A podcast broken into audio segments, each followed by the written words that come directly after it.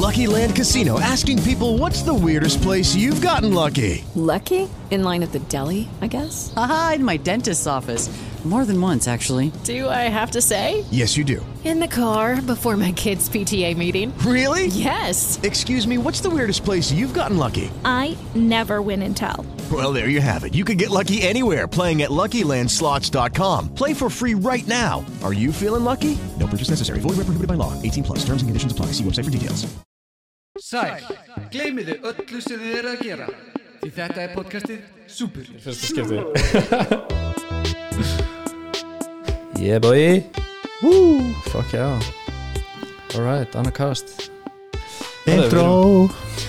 Intro, Introlæði mikla Þetta var ekki ekki Hvernig vilja að Ég fílaði þetta, það var bara komin óvart. Ég var svona Það var ekko á röddinn hans King Puffin og ég var bara leðan svo ég var í komin Já, komin í eitthvað ferðalag sko. Komin út í game. Já þetta er náttúrulega Þetta er svona Miami Vice fílingur í þessu. Já, svona retrospec. Hafið spilað Miami Hotline? Töluleik Miami Mæli með því að þetta minnum á tónlistinni hjá hann Fucking geðagleikur Hvað hva leikur það? Það Bara stúta einhverju liði í einhverju svona hellum dystopískri Miami og þetta er svona Já, Ok, er þetta nýtt? eða? Já. Það hljóma svona eins og Playstation 1 vibe Þetta er svona, já, það er, þetta er svona eitthvað throwback í gamla töluleikir hvernig, hvernig grafíkin og allt það er en, Oh, nice. en uh, já, fíla Cool. Erst þú Play- Playstation maður? Playstation 1 uh, Ég á, ég meina, ég, ég átti ekki Playstation 1, ég átti Playstation 2 Já, Ég man að ég bað um, það var svona árið sem allt var að koma út, það var hvað, Dreamcast, Playstation 2 og eitthvað, eitthvað fleira sko og ég held að ég beðið um Dreamcast, mér varst það eitthvað sjálfmyrandi og síðan man ég bara að pappi kom bara með Playstation 2 og ég bara gæti ekki hvort skilja það var bara, það var bara algjör veistla sko. Já, ok, ok. Og síðan fekk ég pappa alltaf að prófa að spila GTA með mér sem var fucking fyndið. Það var San Andreas, var það ekki? Svo- ég held að það hafa alveg verið sko þá var það held ég alveg nummið þrjú. Og ég prófaði að spila þrjú aftur bara og djöð er það. GTA 3 já ég meina þú veist þegar var fyrsti 3D skilur Já, Já, já, það er, hann eldist ekki vel. Nei, nei, ég af því að þú getur ekki læst byssun á neitt og þú ert bara eitthvað já, það er alveg retarded sko. Ég man eftir sko GTA 1 sko já, ég Eitt spila, ég og spila sem að að horfa ofan frá 1 Já, og 2, já, það var geðveiki leikir sko. það Já. var fucking vibe sko. hérna, Hotline Miami er þannig, þú ert svona horfandi ofan á skilur Já, og þú ert að skjóta bara skjóta mafakast hell yeah Herri, já maður, við erum með gest Lord Pushwhip Pussvip, what's up, what's up Yes sir Þ- Þórður Þórður Ingi a.k.a. Þórður A.k.a. A.k.a. Þórður Hvað, hérna, ég var til að heyra hérna, ná- hérna sögnaði hvernig þú fannst þetta nafn Er eitthvað, Um, Já, eitthvað saga hvaðan bak kemur við það? uh, nafnið er tilvísun í uh, þá hugmynd í sálgreiningu að um skort kvenna á uh, limi og þetta er ákveðið nei, ég, ég er að fokast ég uh, fuck maður, bara Ég var að hugsa bara öll eitthvað, wow. viðtöl, öll viðtöl byrja alltaf á þessari spurningu. Ó, það. Hann er með langa að bara switch it up skilur Já, damn. ok. En ég meina bara, Ok. já, ég bara push up skilur, ég meina hvað Við sem ætlum að vera þetta original. Já, Herri, fuck þessi spurning. Guður, ég veit Tölum plö- Tölum plötuna hérna. Á grín, sko. Algjörlega þannig að uh, platan mér var að koma nýja platan mér var að koma út á bara mánudaginn sem heitir Reykjavík 93 og þetta er svona klúpa EP sem er svona daldið svipum feeling og seinasta uh, platan mín sem var Hand of Glory á BBB Records. Þannig að þetta er svona, já, önnur í rauninu svona klúpa plata, hún er miklu bjartari en allt sem ég hef gefið út örugglega áður. Þú veist, vanlega, ok, ég er svona fólk lýsir á tónlistin minni sem dark skilur Mm. þótt að ég upplega ekki alltaf sem dark en, en þú veist, það eru svona björt lög inn á milli þú veist, áður fyrir, en þarna er bara heil plata sem er mjög svona björt. Uh, man ég var eitthvað þú veist, koncerti kom uh, sent eitt kvöld í LA þá var ég eitthvað, þú veist í einhverju skulle við segja uppliftuð ástandi og hérna var, var líka á gólunum mínu að hlusta á öll lögin sem ég var að reyna að setja á plötur en ég fann að það var eitthvað sem að passa ekki með lögin skilja það þurfti að vera mismöndi plötur fyrir mismöndi einhvern veginn hljóma og hugmyndir sem þetta ég skrifaði upp bara svona litina sem að komið einhvern veginn sem maður upplifið þegar maður hlust eins og ég bara fast forrætaði bara gegnum lag bara búm búm búm bara svona skrolla í gegnum lag. Ok, silfur, næsta lag rauður, blá blá blá, þú veist. Og síðan bara einhvern veginn, þú veist skrifaði niður all lögin og með þessi litaskema og þá bara ræðaðast það upp á hvaða lög pössuðu við hvaða liti.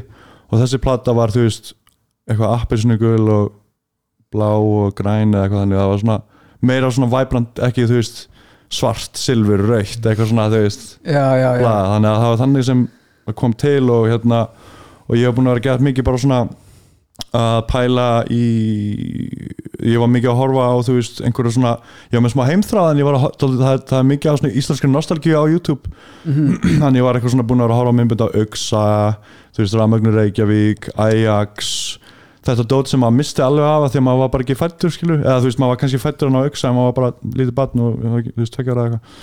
Um, þannig að já, ég svona þú veist, platan er svona uh, svona óður til eitthvað íslensku reifsennar sem maður misti af og uh, kannski svona blöndu við smá heimþrá eða eitthvað. Í blöndu við heimþrá? Að því að hún heitir Reykj- Reykjavík 93 já, ok, en er það var svona það er býsti við pælinginu baku plötna hvað varstu lengi í LA? ég fór út ágúst 2019 ok, Tókstu allt upp þar, eða? hvað? plötuna nei, Nei, sko, platan var bara fullt af það var, það var eitt lag sem var búið til þar sem var senasta lagi sem ég bjóð til í ferlinu en þú veist, platan var búin til á mismundustöðum, það var, þú veist, Berlín London, Amsterdam, Reykjavík uh, því ég var búin að vera svo miklu flakki eitthvað árum fyrir það. En já, ég var þarna, kom ágúst 2019 og síðan uh, kom ég heim bara áttu COVID mars mm uh, senast ári já, já, já, já. Þannig að ég var eitthvað ég er svo lillir starfræði maður ég var, var alltaf lengi Ég- veist í þokkalan tíma í ég LA verið þokkalega tíma já, þú verið að fara sko þú hefur að koma til LA bara þegar ég er að fara sko. já, hvað varst þú lengi? Eli? ég er tvö ára Já, já, já, við hittust aldrei í borginni sko, Englana ég, ég fór sko Hva, hvað, var það crazy, hvað var það mest fucked up sem þú sást í LA? mest fucked up í LA maður shit sko ég var náttúrulega frekar ég var bara svona frekar saklega skólastrákur út í LA Já, sko. já, ég var bara í kvikmyndanámi sko en, en þú veist en er ekki alltaf þú veist, 20% séns og sjáur allan Gaur, ég fó- ég fó- öskrandi allan út í blóði eða Já, það er alltaf bara það er ekki, það það er bara eðlilegt. Það er bara eðlilegt í LA Gaur, það er eðlilegt. Sérstaklega ef þú ferð á þú veist, þú ferð á hérna, hérna Fólk tekur ekki eftir fólk bara að labba framjá það er bara, það er já, já, ósynlega já, ef þú ferð á Hollywood Boulevard Skólinn minn var það líka á Sunset sko. já, Það er náttúrulega bara Tweaker Central sko. Tweaker Central sko. já, algjörlega, Já. fucked up Já, þú veist, það er svo sérnu sko, það er svona, svona ex, þar ef þú ferð þangað, sérstaklega jammið er það líka sko, partíð, þú veist, það er svona Það er svona high-end, eitthvað svona mjög daldið skrítið túrista svona rauða dreigilsjam já, svo, Veistu hvað ég meina? sociopathic. Svo ekki sociopathic vibe yfir því allir sko. Já, af því að það er ekki beint klúpar sem í LA skilu, það eru einhverju klúpar sem eru svona meira high-end, það sem að þú veist einhverju stjörnur fara og eitthvað svona en það, þeir eru nú ekki mjög margir það Mhm. er einhverjir, en, en þú veist það sem að ég var meira svona, svona mil, hvernig segir maður, senan sem ég var meira í var svona nær downtown skid row að því að þú veist the after hours innan gæsalappa skilur er bara að því að það lokar allt, nei, eða hvort er klokkan 12 eða 1 sem áfengi er hægt að selja og allt lokar. já, það er eitthvað klukkan 12, 2 eða eitthvað, já. síðan eru underground klubb, klubbar Já. sem eru, þú veist, opn til 6 um morgunin en þeir eru allir, veist, það er, bara, það er eins og að vera í Berlín og þeir eru allir náttúrulega snar ólir já, já, invite only. En þú veist, klúburinn sem ég fór alltaf á sem að heitir hérna Vertex með tveimur exum ógeðslega cool klúbur ég heiti fuck ass mikið af bara ógeðslega cool artistum sem ég leit, ég heiti Slowmo, bara hann var bara eitthvað á hann, bara hann var bara eitthvað chillin og bara þetta var ógeðst, það var mest cool staðurinn í LA og síðan, ég var sem betur fyrir ekki á svæðinu en hann var lokað í þó nokkuð tíma því að hérna það voru bara einhverjar þrjár gellur bara, bara murkaðar fyrir framann bara klubbin, það, það var bara eitthvað shootout já, og ok, það dói bara tveir, þrýr, fjórir sko. og varst þú þannig? Nei, sem betur fyrir ekki, en þú veist Shit. ég er nokkuð sem að, þú veist, það, ég þekkti fullt af fólki á svæðinu og ég þekkti fólki sem ræk barinn og þetta var alveg, það var fucked up sko var það eitthvað svona gang shit eða var það bara eitthvað einhverjur homeless mm, ég veit ekki hvort að, ég meina, þú veist það er allir, það er svo margir scrapped up en, en þetta var held ég bara eitthvað svona rifrildi sem braust út og bara búm búm búm einhver tegur í bandrækjum þá voru bara að lifa við þann raunveruleika að það gæti bara gerst mm hvenær sem er. Algjörlega, það var ekki að fókt upp að fara í bíó og maður svona, já já, ég er að fara að sjá skemmtilega mynd.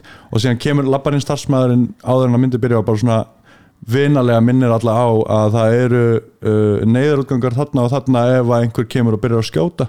Já, já, akkurat. Það er bara svona, já, takk fyrir að minna mig á það. Já, það er að núna? ég hérna, Það slaka á að nýt myndarinnar. Bara, já, já. já, ég er Og að fara að njóta miðjum það gæti ykkur komið hérna inn bara gun blazing þannig að Það er bara, það er neðar útgangu þarna. Pætið því hvað er sjúkt, sjúkt uh, dæmi. Það fucked up. Já, fyndi sko ég, ég var ekkit, ég var ekkit hérna, að fara nægilega djúft í ég, þú veist, ég fór hérna ég fór í eitthvað útgáfupartí hjá um, held ég sama gaur og Nei, það er gauður sem undir, var undir sama hérna, manager þú? Að uh, veitum við? Uh, það þið voru nokkur sko. sem var manager þig? Nei, nei, nei, þú veist uh, manager minn var ekki, left, left brain eða eitthvað? Já, já, já, Já, ég ég, ég, húkaði honum upp með left brain alltaf Mhm. af því að það er lengt saga en, en, en þú veist ég, left brain það var svo mjög random. Nokkur var að followaði left brain mig á SoundCloud Mm. og ég var bara er þetta left brain? alvöru what? skilur bara, alveg left brain að followa SoundCloud bara eitthvað, ég ætla auðvitað bara sendi hann message bara, yo, what's up, bara eitthvað big fan, bla bla bla, eitthvað, og hann bara eitthvað, yo, good, eitthvað, I wanna come to Iceland. Og ég bara eitthvað, sure. Og, og náttúrulega Solstice var að koma upp þannig ég bara eitthvað að tala við bara Solstice, bara, þannig að left brain Road Future vil koma, ég bara, já, bara að og sér kom hann og hann var bara einhverju þetta var fucking fyndin ferð maður vá, hann kom inn með einhverju vinnum sínum einhverju ríkum geðingum hérna og voru bara einhverju sko jackass style pílagríms partyferð og það var svo mikið að já, það var mjög fyndið. En síðan náttúrulega býr hann í LA og hérna og já, ég, þú veist, ég var með umbásmann þá sem er sko bara hættur núna út af COVID. En hann er orðinn flugmaður eitthvað en hann er ennþá aðeins að sýsla með stærsta artistónu sínum en, en ég, þú veist húkaði hann upp með left brain at the time og bla bla en hvað var að tala um? Já, þú varst í, í útgáðpartí já, hans ég fór útgáfupartíð þar Já, og var ekki Dabbi líka svarti lagsins Já, Jú. ég, var, ég nefnilega veit ekki af hverju ég var ekki á svæðina var, ég var eitthvað upptekinn eða eitthvað? Já, þú varst hana Ég var þarna, emitt, já. Já, ok, ok. Ég bara man ekki, það var eitthvað sem var ástæð fyrir ég gæti ekki komið sko. Man ekki hvað var. Oh, dang. Já, Það er næstu hittust. Já, fyndi, þetta er svo. alltaf stór borg sko. Eða þú veist, þetta er bara fá, þetta er fárlega stór. Þetta eru svo marga borgir. Þetta er, Þetta er ekki eins og, já, ein borg. Já, Þetta er bara, þetta er, þú veist, það er líka svo surrealist, varstu, hafður farið hana áður eða, til að leiða? Ég hafði farið, ég sko bjó í Kaliforni þegar ég var svona 13-14 ára í bara halvt ár 2007, þannig já, ég heimsótti LA bara eitthvað vika nokkur dagar þá. Það var svona fyrsta upplifin minnaði bara sem krakki.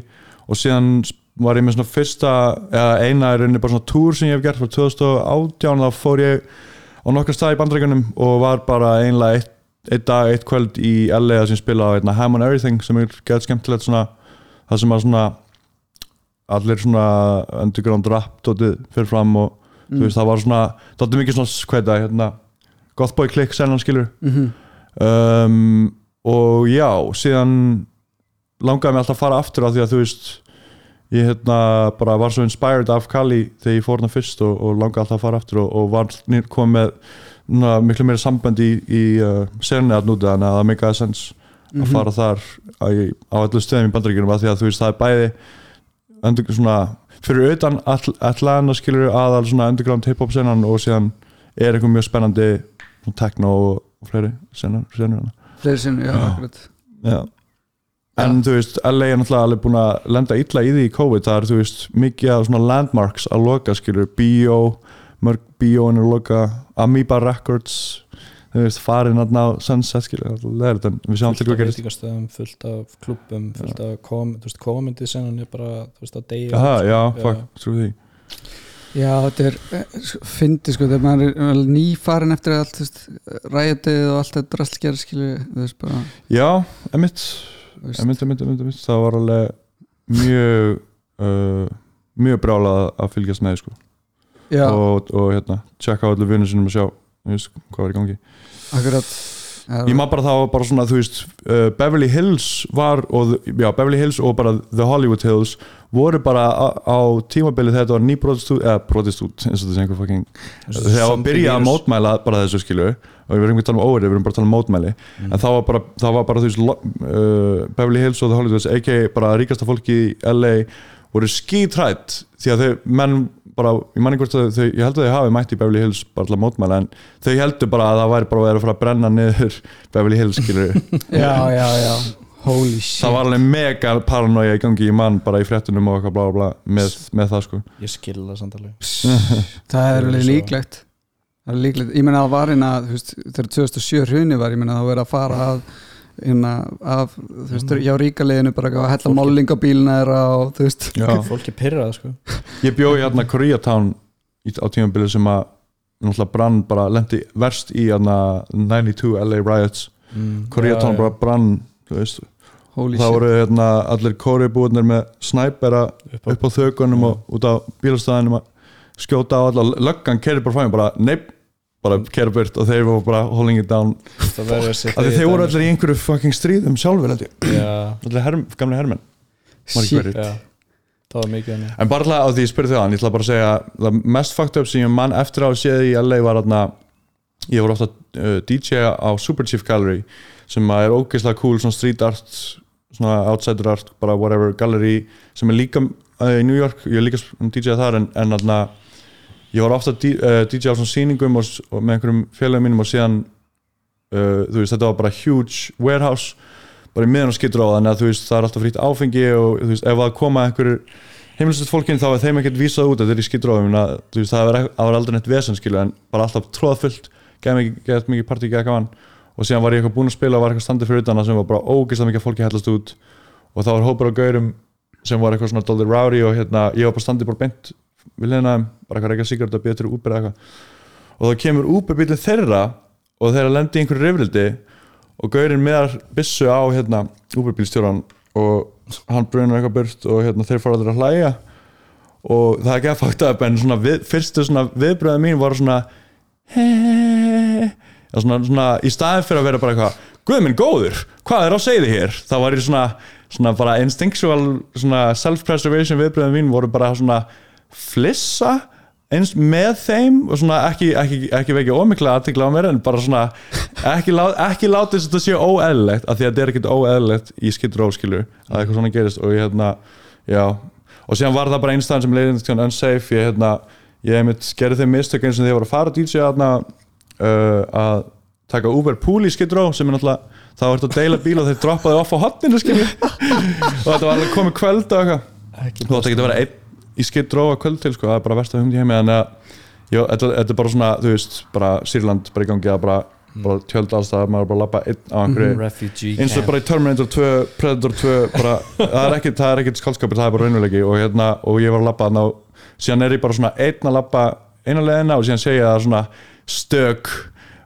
vofa, fucking lappandi á móti mér skilu og fara hinn áttina og ég gerir svona trikki að taka ekki út heyrðumtónlinn bara slakk í það á pásu þú veist á meðan ég lappa fram hjá honum og meðan lappa fram hjá hann eitthvað I'll eat your fucking face eða þau segir eitthvað svona fucking hella við mig sko. Og í staðan fyrir að excuse me sir? Sem þetta gera á Íslandi ekki, ég var náttúrulega held bara um að labba.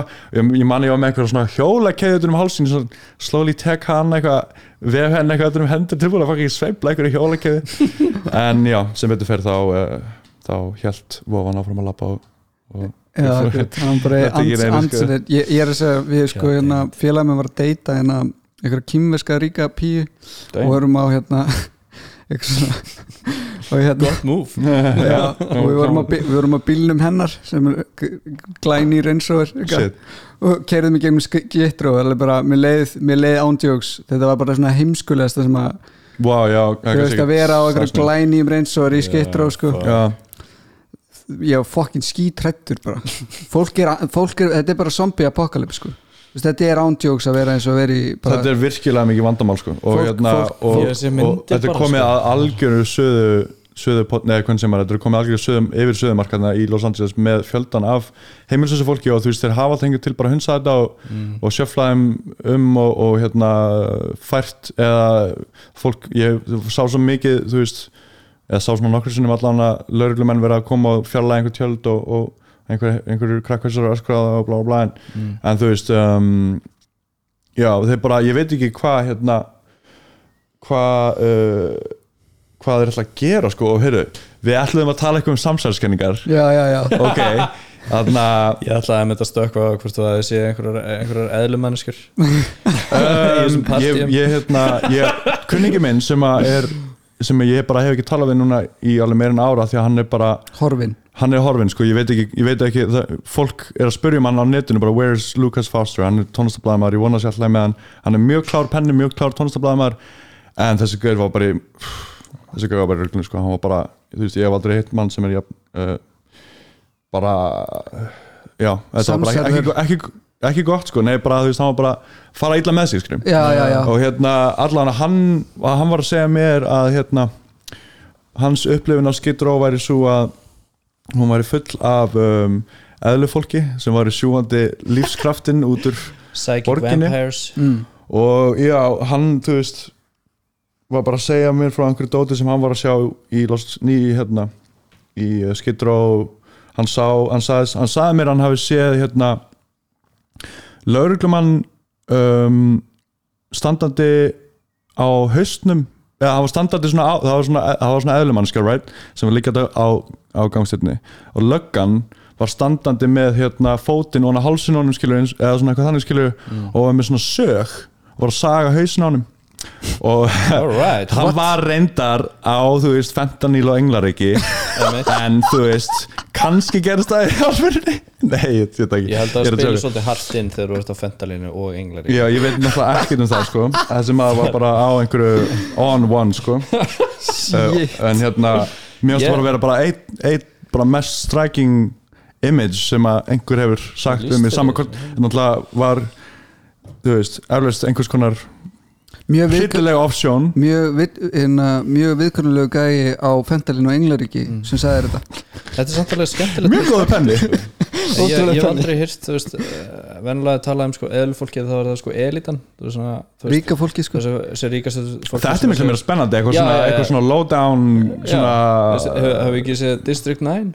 jú, eitthvað svona þannig. Aliens sem eru svona þú veist lower class dæmi sko. Þetta er svona minni meira á það. Já. Það er að finna, ég hef aldrei hýrt þetta perspektíf. Og síðan hérna bara sem ég ég sem ég ætla að segja fyrir þessa skemmtilegu sögu þá hérna þá hérna um, þetta ég gaur sem að um, já. Ég held að hann- ég held að hann hafi ekki stundað löglega starfsemi skulle ég segja. Já, þú veist, ég held að það hafi ekki lögleg, lögleg vinna, mér síndist hún ekki vera viðverða þessum hans, en hérna en hann, var, hann var eitthvað svona og þú veist, vinni minni voru að segja sko, að hann, þau heldur fram að hann vildi meina að eitthvað, þau voru að segja að pappans væri mögulega eitthvað svona El Cartel, en síðan voru vinni minni að halda fram, neikur it's the FBI bro já, já, já. og ég bara eitthvað, yeah right, skilur bara whatever the fuck. en, en hann, þú veist, veit ekki þessi gaur er eitthvað, eitthvað dulafullur en, en, en, en hann um, hann vildi meina að það væri svona systematísk um, systematísk verið að búa til ástæðu til að geta svona innan gæsalappa útrýmt eða fjarlægt heimilislösa fólki með því að uh, láta þau reykja, eða ekki láta þau með því að með því að innleiða englarik inn í senuna eins og, eins og CIA gerði með krakk inn í 80 skilur Mhm. og, Já, punkt, þetta og hann vildi meina hérna, að þetta væri eitthvað hérna, þú gefur fólki englarik og hann sagði að ekki að það væri vanlega ekki standardin hjá heimilislösa fólki en að ef að þau væri einhvern veginn verið að leysa þau með englaríkja þá verður þau miklu líklega til að vera óbættisfull og þar á leðandi verður uh, ástæða til að eitthvað svona fólk er með ymsar fucking sko, bandrækjamenn og samsælskynningar þeir eru Þeir eru alveg lit, úti sko. að moka sko. Sko, ég þetta er samt svo er hef samt- svo gaman af þessu er svo, veist, ég hef gaman að bara svona, hryllingsmyndum til dæmis, Mhm. einhvers svona dæmi þú veist, lögga, standa þetta hálsinum og reptilíun að skera hálsan sem sög Mhm. er mest beautiful hryllingsmynda einmitt sem ég séð og fólk trúir þessu í alvegni sko. Það er mjög út af kassan já. ég bara er alltaf mjög forutinn um þetta sko. En þú veist, það er líka veist, eins og hérna, þú er hýrt talað um uh, þú veist, þegar að, þú veist, hippasenn var í gangi þú veist, uh, The Summer of Love og það allt þessi byrjaði bæði ekki í San Francisco, hún byrjaði í Laurel Canyon í Los Angeles Einmitt, og hérna og það er mjög mikið af samsælskenningum með það Já, þú veist, það eru til gögn núna sem segja sko, að CIA hafi verið að, veist setja LSD, veist, bara út á gautuna þeir voru með, þeir voru með, sko, að safna hári hann hétt Jolly, uh, Jolly West Dr. Jolly West, hann var hérna með klinik í sem að Já. þeir voru að gefa um eitthvað medical LSD og spýtt og, og það voru allskins uh, bara mumbo svo- jumbo sem þið voru að gera sko. ég var að lesa þarna Chaos Charles Manson Nákvæmlega. bókina Jöp. hún er dald, er daldið hún er mjög góð bók, hún er daldið uh, hún er daldið mikið svona, svona eins og JFK gaur sem er going crazy út af einhverju er og, og það er ekki beint neinn niðurstaða sko. ja, veist, það er ekki konkrétt niðurstaða með hvað hva gerist en það er einhverju svona þeoríur og, og bara allar upplýsingarnar eru fucking áhugaverðar sko. Mhm. þú veist, þannig að ég mæli með henni en þetta með hippasun, það er bók sem ég ekki lesi sem ég bara lesi kapla úr eitthvað sem er sko miklu meira out there, hvað, af því sko þessi gaur sem skrifa þessa chaos bók, hann er bara mjög hæfur blaðamaður Mhm. uh, mjög hæfur penni og mjög Var hann ekki hjá Joe Rogan að tala um Jú, þetta? Já, já, já. en hann, hann, hann er alveg solid gaur sko. Já, algjörlega, þótt, algjörlega. þótt að þessi bók sé, þú veist, in the conspiracy world þá er þetta samt Það bara, bara frásögn algjör, bara hans. 100, 150 blaðamaska en Já. þessi bók sem ég er að tala um sem heitir um, eitthvað Strange Scenes in Laurel Canyon Mm. er eftir Dave McGowan sem að dó úr krabba meina eitthvað og, og hérna, fólki í hans senu heldur að að einmitt að hann, hann dó allt þetta var óeðlega hratt, þú veist, eins og það segði mig easy að þeir heldur að það hafi verið eitra fyrir honum að því hann var svona, held ég 9-11 trúþæður og, og hann var bara algjörðu samsæriskör sko. en, en hann var daldið skemmtilega pennir samt, ég las kaplana í uh, þessari Laurel Canyon bók og hans þessa er að sko sem er enda mjög áhugavert er að hérna allt í einu byrtust bara allir þessir tónlistamenn í Laurel Canyon allir á sama staða og sko það er erfitt að finna einhvern tónlistamann í þessari 60s uh, California hipasenu sem byrjaði hana skilur sem gera hana fræga sem eru ekki með military uh, intelligence blue blood eitthvað bakgrunna.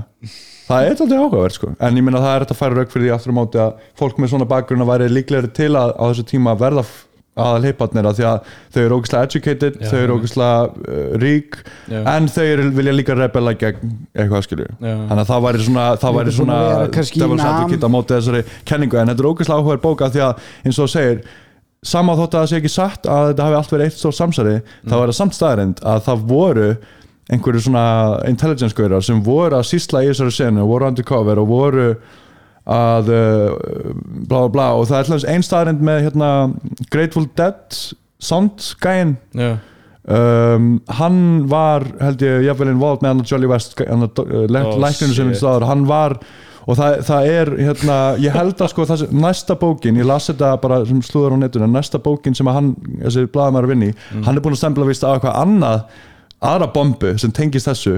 Og það tengist mögulega að hérna, CIA hafi verið að beint fæðandi LSD inn í Grateful Dead hópin me- þú veist, sko- þeir voru og, að og, gera það út um allt. áhangandur Grateful Dead sem voru náttúrulega bara, þú veist, síru Ég er að segja, er segja sko Grateful Dead er ennþá huge í sko. bandarækjum Ó já, ég meina. Deadheads þetta er Þeir- bara heil, heil menning út af fyrir sig Þetta er bara, þeir eru með risa cult follow orginal Allir þá ertu bara En, Bartley sko. klára þetta sem er bara með hérna, Strange Scenes from Laurel Canyon hans loka þessa með, þú veist, af hverju, af hverju anskotum ættu þeir að vera að fokka í þessu skilju Mm. að það sem er áhugavert er að sko svona stereotypan af uh, mótspyrnum við Vietnamstriðið í bandaríkjunum eru heiparnir og peace and love man, eh, eitthvað hérna skilju Mm. en staðrindin er svo að anti-war movement, the anti-war movement gegn Vietnam byrjaði með mjög íhaldsömmum og bara mjög svona respectable uh, háskólaprofessorum í Kaliforníu og, og hérna, nefndunum þeirra Mm.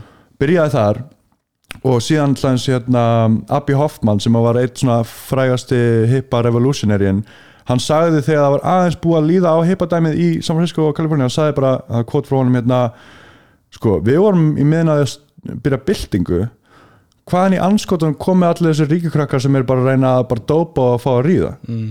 það var allt í hennu bara orðið þú veist það var allt í hennu orðið stereotímna hippa. Þannig að þú veist, know, þessan hans er að sko hérna, er að hipparheifingin hafi verið infiltrated til að uh, hérna, með þessum eiturlifum og blá blá til að Til að mála til að, til að að mála upp sem bara, já, bara aðstæðanlega hippa sem að Mm. Eru þeir einu sem að eru á móti uh, þú veist, eða þú ert á móti hérna, stríðinu áttu hippi Það og þar leiðandi ertu- já, já, já. Það er endurinn, það er síðast og, og, og Charles Manson er einmitt já, eins og þessi bók sem ég var að tala um, það spilar inn í þessa, þessa frásögn sko. það er, að sko, það er rosa mikið af kögnum sem að því að CIA hafa gert svo mikið crazy shit þannig að maður svona, ég, við er ekki að setja um þess að en, þarna Midnight Climax er. MK Ultra. Og það eru fullt af gögnum sem að, þú með það sko, er- málið með MK Ultra punktur með, með Frank Olsson vísindamanninu sem að innan gæðsalappa fram til sjálfsmórð eftir að hafa tekið LSD Mhm.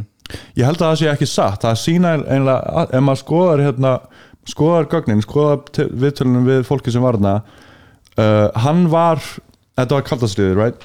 Hann var uh, í Evrópu að sýsla með CIA og það sem að hann og hann var hérna blandaður inn í einhver svona efnavopna dæmi og, og hitt og þetta sko sem mm. að shady shit Já. og hann sagði að hann dálítið eitthvað svona traumatiserar af því að hann sá eitthvað í Európi það sem að það voru mögulega sko uh, þú veist handsama fólk, pyntaði fyrir upplýsingar alls ekki stótt sem þeir voru að gera í Európu á þessum tíma, í, í kaldatsinu Já. og það er miklu meira spennandi saga að þeir hafi sett LSD í drikkin hans og hann hafi dottið út um gluggan hann var bara, bara lamin í hausinn og hent út um gluggan, hann var myrtur. Það var búið að, var búið að grafa upp líki hans og sanna það að hann datt ekki út um gluggan eða hoppaði ekki út um gluggan hann var, hann var uh, og, og þetta, þetta haus hérna, uh, sári á hausnum var ekki frá því að lenda á gangstættinu það var bara, það var áður en að lenda á gangstættinu Já, ok. anyway um, þeir, þú veist, það er típist svona sleight of hand að CIA trick að, að, að þú veist fó- það er mjög sexy saga eða stjæðdótið, það er mjög sexy og fólk finnst það mjög skemmtilega saga. En það er miklu betra heldur en hann var flæktur í kaldastriðs intrík sem að og hann sá eitthvað ólega hluti í Ameríku og Európu á einhverjum háum levelum og hann var myrtur. Það er ekki, veistu hvað ég meina? Já. þannig að þú veist, mér finnst það miklu líklega og hérna, og, og vinnur hans besti vinnur hans, hérna var að horfa á viðtölaðan, hann sagði að sko Uh, þeir voru bara að jóka um hann að LSD-dóti, hann var bara að segja, já þeir hérna þessi klikku að gæra maður, þeir settu síri þetta nýja efni, þeir settu síri í drikkið minn og hérna, hann bara, þeir voru eitthvað lægum það og hann eitthvað, já ok, hvernig var það? En ég fann ekki neitt fyrir Þannig að hann, Frank Olsson úr, úr af vel segin munni sagðist ekki að, að þetta hafi ekki virkað sko. Já, ok. hún ás fyndi sko, hm. þegar við erum komin í þetta það var hérna, félagið minn bjó sko uh, í Las Vegas og hann bjó hliðin á sko XCA gaur. Ah, til það gaman og maður hérna og, og síðan, síðan sko, bara svona CIA dude, bara basic og síðan stundum þá hérna bauð, voru þeir að bjóða hann yfir í grill skilur og, og öfugt skilur og, og síðan duttuðu stundum í það saman og þá byrjaði hann oft, oft að tala byrja að segja einhver sem Já. leyndamál segja, lendamál sko sem hann átti ekki að vera að Þetta segja. væri hobbyið mitt sko. Er Ég myndi kannski byrja að drekka aftur bara til að stunda þetta. Já, en alltaf þú bara flytja til Washington þar sem allir eru hérna.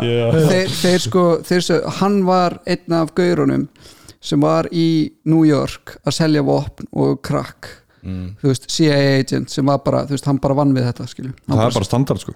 Já, þú veist, ég, ég er að tala um bara veist, hann er bara ekki að segja frá veist, þetta er bara, hann er bara ekki að segja frá þessu bara, já, við vorum bara það er alveg svo sagan um White Boy Rick sem var hérna- fucking fucked up sko. Sagan um White Boy Rick sem að var svona mini, mini, mini drug innan gæði, þegar fólk hjælt að vera drug kingpin hann var bara einhver, bara strákur sem að úr, úr gett á hann, en pappi hans var einmitt bara einhver svona agent sem var bara að selja vopp bara eitthvað in the hood, bara eitthvað crazy shit sko. Já, akkurat, alveg drug sko, þetta er ekkert samsælskenninga það, það, það skilur, það er bara, bara það er bara starrið það er bara staðarendi sko.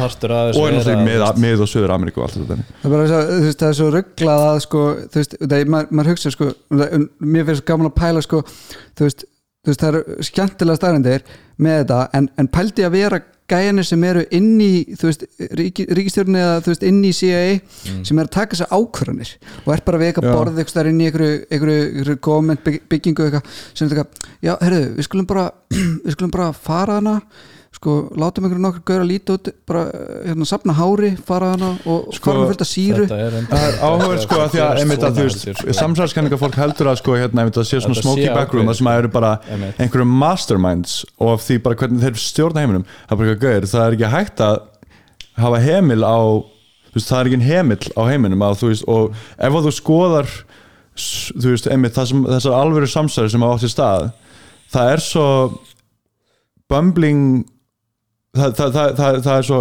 heimskulegt dót skilur, þeir eru allir bara svona throwing shit at the wall, seeing what sticks.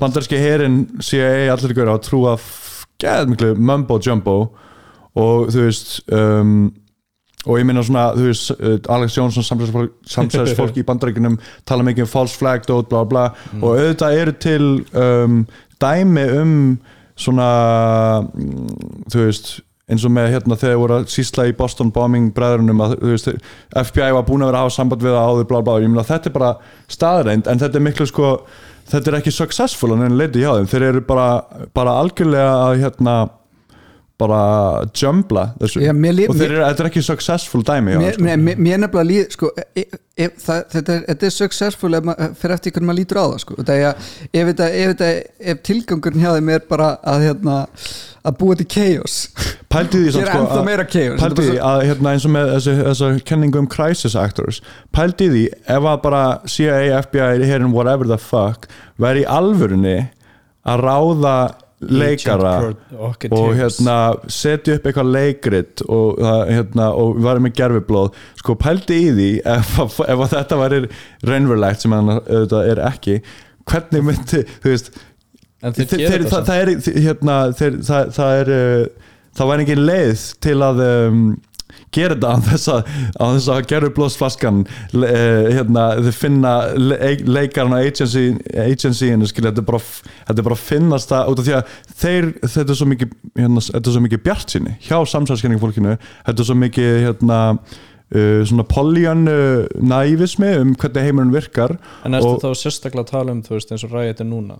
Þú veist Hvað, Black Lives nei, Matter, nei, nei, nei, nei. Ég, það er náttúrulega staðreind að það eru crisis actors og, og agent provocateurs Agent alltaf sko það er, alltaf, er, það er bara staðreind en ég er að tala um sko svo fáranlega hugmynd um, um, um að Sandy Hook hafi verið crisis actor leik, Já, eitthvað já, svona já. þegar það er mest crazy parturinn af þessu skilur auðvitað, þú getur ekki bara haldið að það sé keisið í hvert einasta skipti sem að eitthvað gerir Já, og ég meina fyrst erum konum með álpapir sattinn á okkur þá þú veist það, það, það, Strap in, let's go. Það myndi ekki koma á óvart að Alex alltaf Jo- konum bara flata jörð. Þetta er bara veistla í gangi Oh hérna my god, Þa, það myndi ekki koma á óvart að gaur eins og Alex Jones væri innan, gæslabaða sem er kallað controlled opposition skilur, sem að er svo mikill trúður að hérna, hann lætur alvöru samsæli lítið ítl út. En ég man samt þegar þú veist meira sér bara 2003 þegar Alex Jones var með lítið cameo mjög skemmtari mynd sem The Waking Life um svona lucid dreaming, mjög, skemmt, mjög góð mynd eftir gaurin sem gerir hérna Dancing Confused meira sér 2003 eða 2005 þegar þessi mynd kom út þá hérna var hann bara svona sjarmirandi skemmtilegur radio host í Texas sem var alltaf klikkað og var bara svona local favorite skilur en núna er þetta orðið svo toxic og hérna crazy hérna í ég Bandaríkjunum. held líka bara að hann mista hans vitið sko. Já, hann var líka, þú veist, hann var svona En hann náttúrulega bara að spila karakter sko ég Já, meina, mitt, er- þú veist, hann býr til en hann, þú veist, hann er leikrit í síðan hann bara sko. fastur inn í þessu dæmi og hann þarf alltaf að vera að steppa upp og steppa upp, skilur. Já. þannig að þú veist, hann bara í raun og veru eða þú veist, ég get ekki verið að tala fyrir hönd hann, skilur en þú veist, Mér finnst Bill sér Cooper það- skemmtileg ég tjekka á Bill Cooper. Hann, hann er original gæinn sko. Mm. Bill Cooper er original gaurinn. Ó, veitu, er það þessi gamla, þú veist, eins og veist, Roosevelt og þú veist, það sem um, Bill Cooper þe- þegar Bill Cooper dó Bill Cooper hataði Alex Jones. Þegar Bill Cooper dó sem að Bill Cooper, by the way, sorry hann, hann, hann var alltaf klikkað gaur sko en hann var gaman að skrifa hann hans útrúfnum en hann dó í shootout með löggunni. shit en þegar þess að ég má ekki hlæða hann, var alveg, hann var alveg crazy sko. Ekki hérna ekki fara fram með því sko. En, en, en hérna en uh, þegar, þegar hann dó tók Alex Jones við og svona já, nei. Sko líka bara yfir höfuð akkurat núna Þú veist, við erum ekki endilega að tala allt saman factual, skilur Við erum bara Það að við erum, við explora erum pælingar bara hérna, dífa tannum Nákvæmlega í þessa, í þessa hérna, hákarla fyll, fylltu vött sko. eh, hefur, hefur, hefur eitthvað verið þú veist að meista eitthvað svona hérna, alien dóti eða eitthvað svona gemuru conspiracy dóti eða? ég meina ég hef mjög gaman aðeins sko. já, ég hef mjög gaman aðeins hefur eitthvað Hvað- verið að fara hún í the rabbit hole? Alltaf? Alltaf. Nei, hérna, ekki nýlega sko en, en ég tók tímabila sem ég fór, fór down the rabbit hole og fór sjá sko, það er mjög Þess þessu en, en, en örn- það er mest svona þú veist, sorry ég grif fram í hann bara, Það það er bara svona þú veist uh, alien dótið er, það er svo gaman að því eins og með reptilian dótið það er svo out there skilur og það er svo mikið Ég byll í gangi elska og, en ég skal segja, með eitt fyrst að við höldum varum með controlled opposition það er hérna um, dótið áhugaverð saga með sko var saga sem, það var svona plott sem átti stað, eitt af þessum plottu sem við vorum að tala um það sem að CIA uh, var út af því að herin var að vinna alls, að allskins high-tech missiles og, og, og hérna, fighter jets og allt þetta fyrir flóastriðið eða ég man ekki hvað var þá hérna infiltreraði CIA um, the UFO community. Og það var einhver eitt gauður sem, ég man ekki hvað heitir sem var daldið svona influential. En það var mjög trúgært gæði sko og hérna og það voru bara CIA agents, bara einhverju dulageru sem voru bara, bara urðu vinnars fóru bara, og ég held að þeir höfðu meira sér bara, ég hef verið að, þú veist, segja þú veist, þeir voru, að að það var að agents, skilja, eins og sem þeir voru eitthvað svona dæmi, voru bara, þá fa- verður hann wow, heyrðu, ég er bara komin bara í hérna feitt með bara eitthvað, beinteng with the garment skilja, og þeir voru bara að gefa hann fullt af fölskum upplýsingum um mm. geimverur og flugandi fyrir hluti. Og sá gauður enda held ég bara á geðgræli og þú veist bókslega sko. Og hérna það var ekkert að þessu satt sko. En, en þessar hugmyndir er ennþá floating around í the UFO community og, og, og, og þetta svona segir eitthvað um hvað er í gangi með svona samsæðiskenningar og hvernig hvernig hérna hvernig þessar leinið þjónustur nýta sér það skilur þeir Það nýta sér sko- það og þeir, og, og þeir byggu í rauninni ef þú horfir hann í Adam Curtis myndina mm. þá útskýrir hann hvernig uh, uh, samsæðis bandaríska samsæðiskenninga heimurinn nútímans var búin til á, af þessum leinithjónustum af félagslegum pólitískum tilgangi. Er þjónar ákveðnum tilgangi fyrir þá það er sko Það er orðin alltaf bara entertainment í dag sko. já, einmitt. Það er bara nýr entertainment að því að þú ert horfa á, þú ert að horfa á þetta á meðan raunveruleikin er í gangi hérna. Þú ert ekki, að- þetta er eins og bara galdramæður upp á sviði skilur, slide of hand, hann sýnir þér eitt á meðan hann er að gera, gera það sem hann er að gera með hinn hendinu og þú er- ert bara að fylgjast með fylgjast með dúfunni í hæri hendinni. Þú ert ekki að fylgjast með hérna, það sem hann er að gera með vinstri hendinni. það er rosa gummul saga að hérna, þegar að, það var útastleikveit gert hérna, með War of the Worlds. Mm. var ekki Ah, Orson- 1940? Orson Welles- Orson Welles, og hérna það er þú veist 1940 held ég, já, eitthvað hann liti, 30s, og það 30s, var 40s sko þú veist Hver er hérna gera tónlistin fyrir það? Ég man ekki. Það var Pink Floyd Pink Floyd, já, það já, Pink Floyd. það sem ég er að reyna að segja. Gerðu þeir það eftir á? Já, þetta Já. er cool, já, það, hérna, það, sko, þegar það gerðist þá var hérna þú veist það var svona, svona national panic. Einmitt, að því að fólk held að þetta væri að gerast í alvegni Mhm. skilur og þú veist þetta var bara útastleikveit já. en þá var stærsti miðlinn útvarp skilurðu. fyrsta svona mockumentary pælingin skilur, Já, eitthvað þetta var eitthvað svona dæmið þú veist, þú gast túnað inn skilur allt í einu og þú varst bara inn í meiri sögu skilur og það hérna og þetta náði vist út um allt og það er alls konar sögur með þetta eins og hérna þú veist, rússarnir þú veist, þeir tók þetta mótel alveg svona. Já, já, veist, bara inn á sig skilur, Mhm. þú veist, bara ok, wow það er virkilega hægt að stjórna þú veist, hvað fólk heldur hvað fólk er að hugsa þetta er alveg, þú veist, áður en að þú veist, Roswell gerist og allt Mhm. þetta dæmi. Já, já, crazy. Þannig að þú veist, í raun og veru sko alveg síðan að þetta gerist þá er búið að vera fullt af einhverju svona þú veist, þú veist ekki alveg hvert þú átt að benda skilju, þú veist það er greinilega eitthvað í gangi en það er svo mikið að klikka um sögum að þú veist, þú ert bara týndur í einhverju brjáluðum upplýsingum. Já, en hvað er eiginlega, þú veist, hvað, hvað myndir segja að væri svona uppáhals konspirasíðan þín? Ekki, það er ekki, daldið veist, mikið MK Ultra sem við vorum að tala um sko. Er það? það er daldið mikið MK Ultra ég, ég, hérna, hef, hvað heitir aftur direktorinn sem var að stýra því? uh, það var ekki hann West? heitir, nei, hann heitir hérna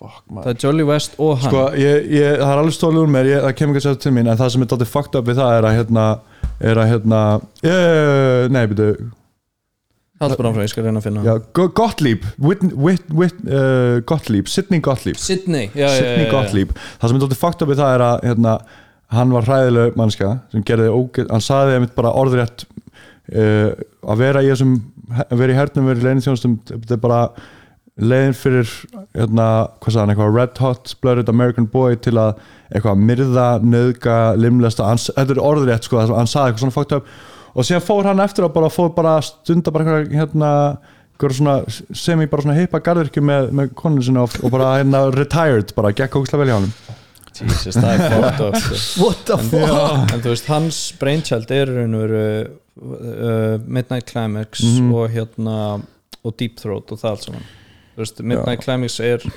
það er, ef ég er ekki að ruggla einhver saman þú veist, á Hóruhús Hórhús, já, þú veist það séu dekk út risastórt svona exclusive hotel bara með þú veist double-sided mirrors Já. og þú veist og eru actively að bjóða politicians og, og, og svona, þú Svona official já, bara svona high, þú veist, high level liði Jeffrey Epstein sérna því sko Já, mitt, basically, þú veist, og þannig er einmitt önnu pæling, sko Mhm. en hérna, þú veist, að að fara með á þangað og þeir eru líka, sko, það var alls konar þeir voru að nota að setja í loftið hérna, þú veist, einhver eitthulif þeir settu sko allir stéð líka í svona, í svona bara vassbyrðunar já, heilum bæjum. bara- það var, það var, það var eiga í Fraklandi sem að þið prófuðu eitthvað setja það í eigin, ég held að, ég held að jáfnvel ein, að minnst sko ein mannski hafi dáið. Bara voru supplyið já prófuðu að setja það í held ég svona loftræstinguna í uh, San Francisco uh, hérna neðanjara á listinni sjá hvað gerist. En þetta er einmitt, sko, þeir, þeir fóru þess að leið, sko, rússarnir voru í því að, hérna, að, þú veist uh, ok, þeir voru að reyna að heila þó fólk og síðan voru þeir í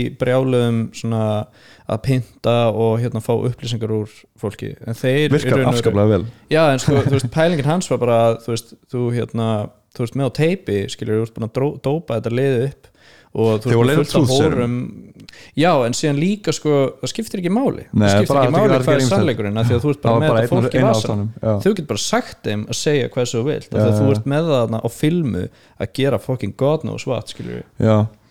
What? Ég hef heyrt samsæðiskenningu með að hérna, Hugh Hefner hafi verið svona, svona, master, svona uh, CIA honeypot mastermind að því að þú veist auðvitað voru ógislega mikið af rík og valdamæli fólki að að bæga einhverjar eitthvað, ég veit ekki dýr, nei, ég nei, þú veist, Þetta eru pælingar sko. En ég veist, eins og, hérna Midnight Climax er bara, þú veist, við erum með fullt af gögnum ég meina Jeffrey Epstein situr, það er, þú veist, ég meina Hugh Hefner, þetta er bara einhver fucking crazy samsæðiskenning en Jeffrey Epstein er bara svona, það er svo þú veist, leðilt að því að ég meina, það er ennþá fréttir að koma inn og bla bla bla, já já, og eitthvað nýjar og nýjar fréttir. En þú veist að búa að grafa málið skilur basically það, það, það, það, það er ennþá engin með svar um hvað gerðist, hver svo hann var. að, að það sé bara allt í lagi að, að pinna þetta allt saman á þennan eina gaur. Auðvitað er hann algjörlega segur og hann á skilið allt sem hann fekk í rauninni eða þú veist, þetta er mín, svona mínuskapi skilur Bara, en þú veist, það, það, það þetta var nær operation. miklu lengra það skilurðu. var operation í gangi skilur ef, ef þú heldur að hann hafi búið til peningana Hann var ekki aðal gaurinn, nei, auðvitað ekki. þú veist, og hann var heldur ekki, þú veist, hann var aldrei læriður, hann var aldrei þekktu fyrir að skapa mikið peningum hann var náttúrulega með fjár uh, yfirráð já, hann, Leslie Wexner hann, var að sem var stýra funds. maður á- Mhm. já. En þú veist, það segir samt ekki að hann hafi verið eitthvað sérstaklega gáður til að gera það. Þú veist, hann var bara settur hann inn þú veist, til þess að vera og með gott kóð dölufull allt saman sko. Það er fínt að þú bara myndir stýra þú leggur bara inn hérna inn á þennan reikning og síðan leggur inn á þennan reikning.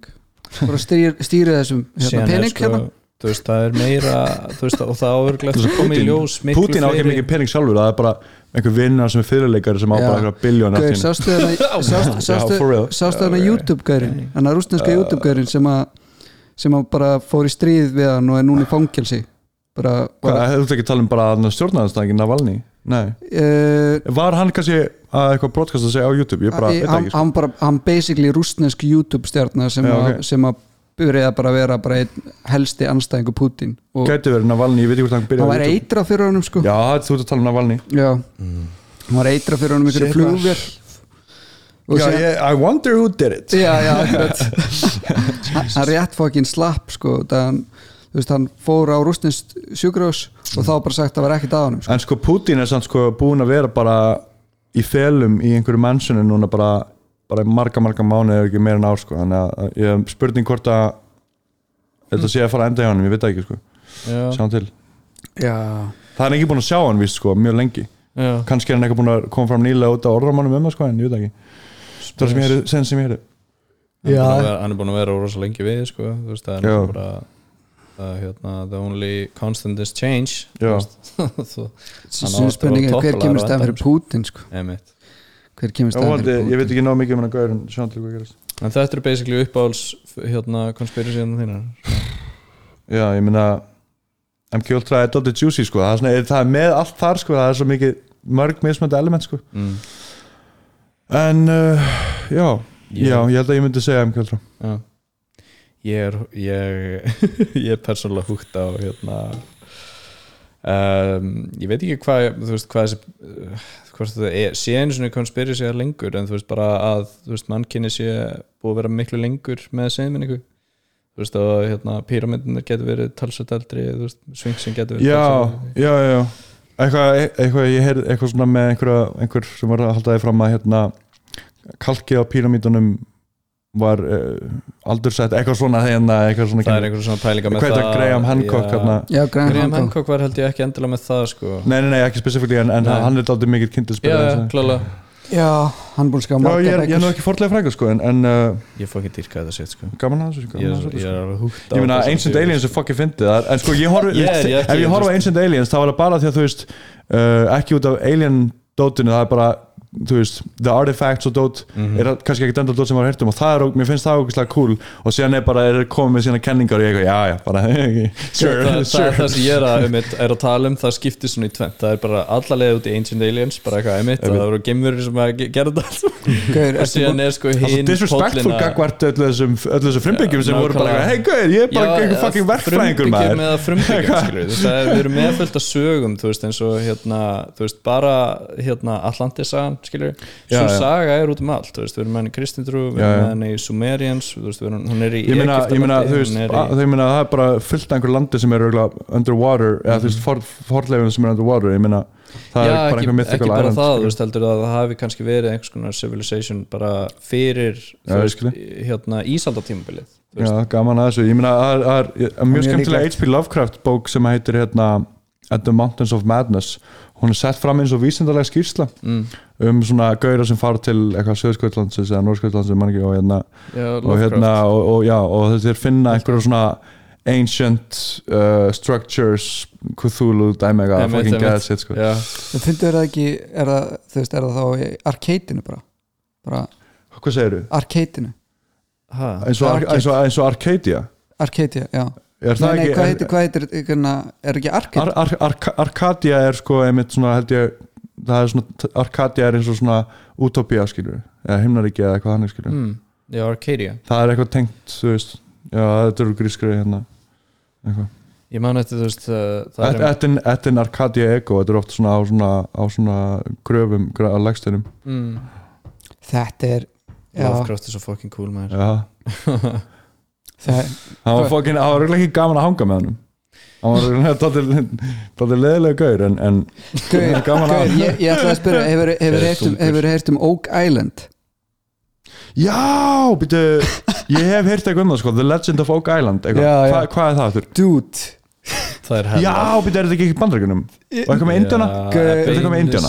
Sko- ég, held að þetta sé er það ekki Kanada? Sko Getur Máni í Kanda, já. Gu- Máni, Nýfundnaland, Má- Máni, já, í rauninni það er Máni sendi mér sko einhverja heimildaþætti sem er á YouTube. Og sem er annað dæmi mér þess að sem er annað, hérna, annað dæmi. sem er kallað Shakespeare Code. Það er einhver hérna norskur prestur sem, sem er svona sem er frímúrari Já. en þú veist hann er svona, svona hann er svona, hann er svona kód svona breykar, eða þú veist, hann er með bara svona heila það sem hann sér, þú veist, kóða og eitthvað svona dæmi. Og hann er búin að vera obsessed í einhver, einhver tíu pluss ár af Shakespeare verkanum sko. Aha. og er búin að búa til einhvern svona kóða sem að Er þetta eitthvað svona numerology? Já, líka sko já. en það veist, er ótt að svo Já, þú verður ja. eiginlega bara að sjá þessa mynd sko, því að þú veist, hún er alveg veist, þetta er ekki eitthvað svona sem er eitthvað svona nei, því að hann setur þetta upp og sýnir þetta og þá ertu bara eitthvað svona, já, wow ok, þú veist, þetta, er, það, er það það alveg þetta er bara mjög augljóst þegar að, þú veist, hann sýnir það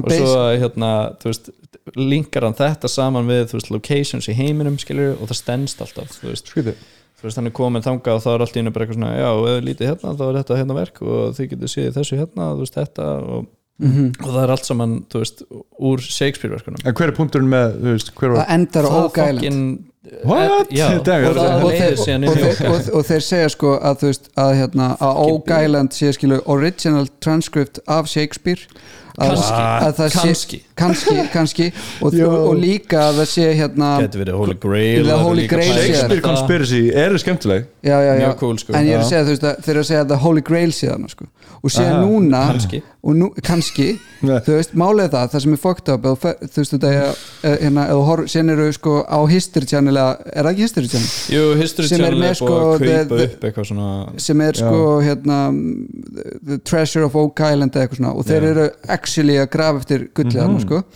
Og hérna, og það er staður inn á Oak Island. Já, þar sem að sko uh, svona hvað heitir, áttavitar? Já. þeir virka ekki, þeir, bara, þeir fara bara út um allt. Og það er sagt, já, bermóta sétt sko. Já, og gátt ekki eins og notað, þú veist, símana sína Mér skilst það að sé búin að útskýra Bermuda með það var eitthvað svona hérna, veðurfræðilegt dæmi í gangi en, en, en, Já, en sko, vá, ég er að segja- ég er að sjá segja þessu maður Hefur þú tjekkað á Bimini Road? Nei það, það er rétt hjá Bermuda það er bara einhver svona, þú veist, eitthvað structure í vatninu sem að lítur út eins og vegur Hey. og risastóri svona stón, þú veist, stein svona þú veist, flísar eða hvað, þú veist, það er bara risa bara, þú veist, Kannski var það einmitt tugi sagði tonn. land sem að var einu sinni þú veist, undir, eða þú veist, það var ekki það var ekki, það var búið að flæða yfir það því það var svo land sem getur verið, sko, þú veist hvað, hvað var það? Bimini Road það er bara, það er, þú veist, Er það eitthvað UFO conspiracy? Það er náttúrulega hljómar er svona ræp fyrir eitthvað þannig það er bara, vegur. Það er bara vegur bara undir vatninu. Þú veist, þú getur farið og kafa og skoða þannig að ég held að þetta, þú veist, þetta byrjar einhvers staðar. Þetta er ógæslega langt sko, þetta er einhverju tíu tugir kílómetra eða eitthvað slúið sem hann, hann liggur sko. Og þú horfir á þetta og þú veist bara eitthvað svona þetta getur ekki verið náttúrulegt skilju Já, ég meina þeir, ég og meina það liggur um eitt beint inn í fokkin uh, Bermuda. Já, já, gaman að, gaman að En hvað hérna, þú varst í Berlín. Já, hvað, hvað varst ekki alveg heil langan tíma í Berlín? uh, svona 2-3 ár, já. Hvernig, hvernig varst að fíla Berlín? Gekkja maður, fucking illu borg sko. Um, Ógislega gaman. Hann vá, ég bara þetta, Við erum að tala um samsvæðskenningar svo lengi ég, er Já. bara Já, svona, veist, fastur þarna inn ég, ég komin í eitthvað trans sko, nei.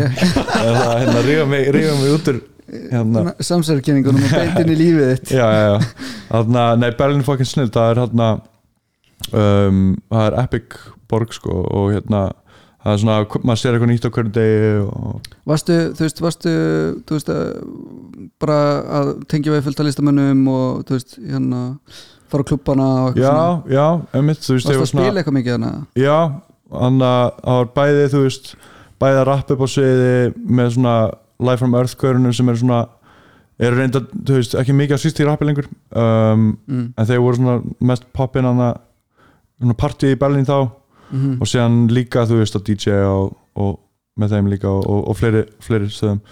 Og hérna um, já skemmtilegasta skemmtilegasta hérna eitt skemmtilegasta svona kvöldi sem að hérna, við heldum var þá það var alveg bara svona örgulega einu skipti sem ég hef haldið bara eitthvað up warehouse bara reif skilja, eða þú veist það var, var bæði rap og hérna reif og, og já, þetta var aldrei fyndið sko að því að gaurinn sem að uh, þetta var ólegur staður sko Mhm. um, og, og hann var ekki opnaður strax og gaurinn heldu að þetta væri að því þá var ég að gefa út á hann að BBB Records og þeir svona tjekkaðu því og var eitthvað, já ok, þetta er bara eitthvað svona IDM svona raftónistar gaurar. Bara, ah, bara svona, ég held að það var ekkert eitthvað það ráti í dæmi skilur, en sem var þetta alveg líka þú veist, Berlínar hip-hop og sem, þú veist, it gets rowdy í Berlín skilur, þannig að þeir vissi ekki að það var að fara að koma svona margir.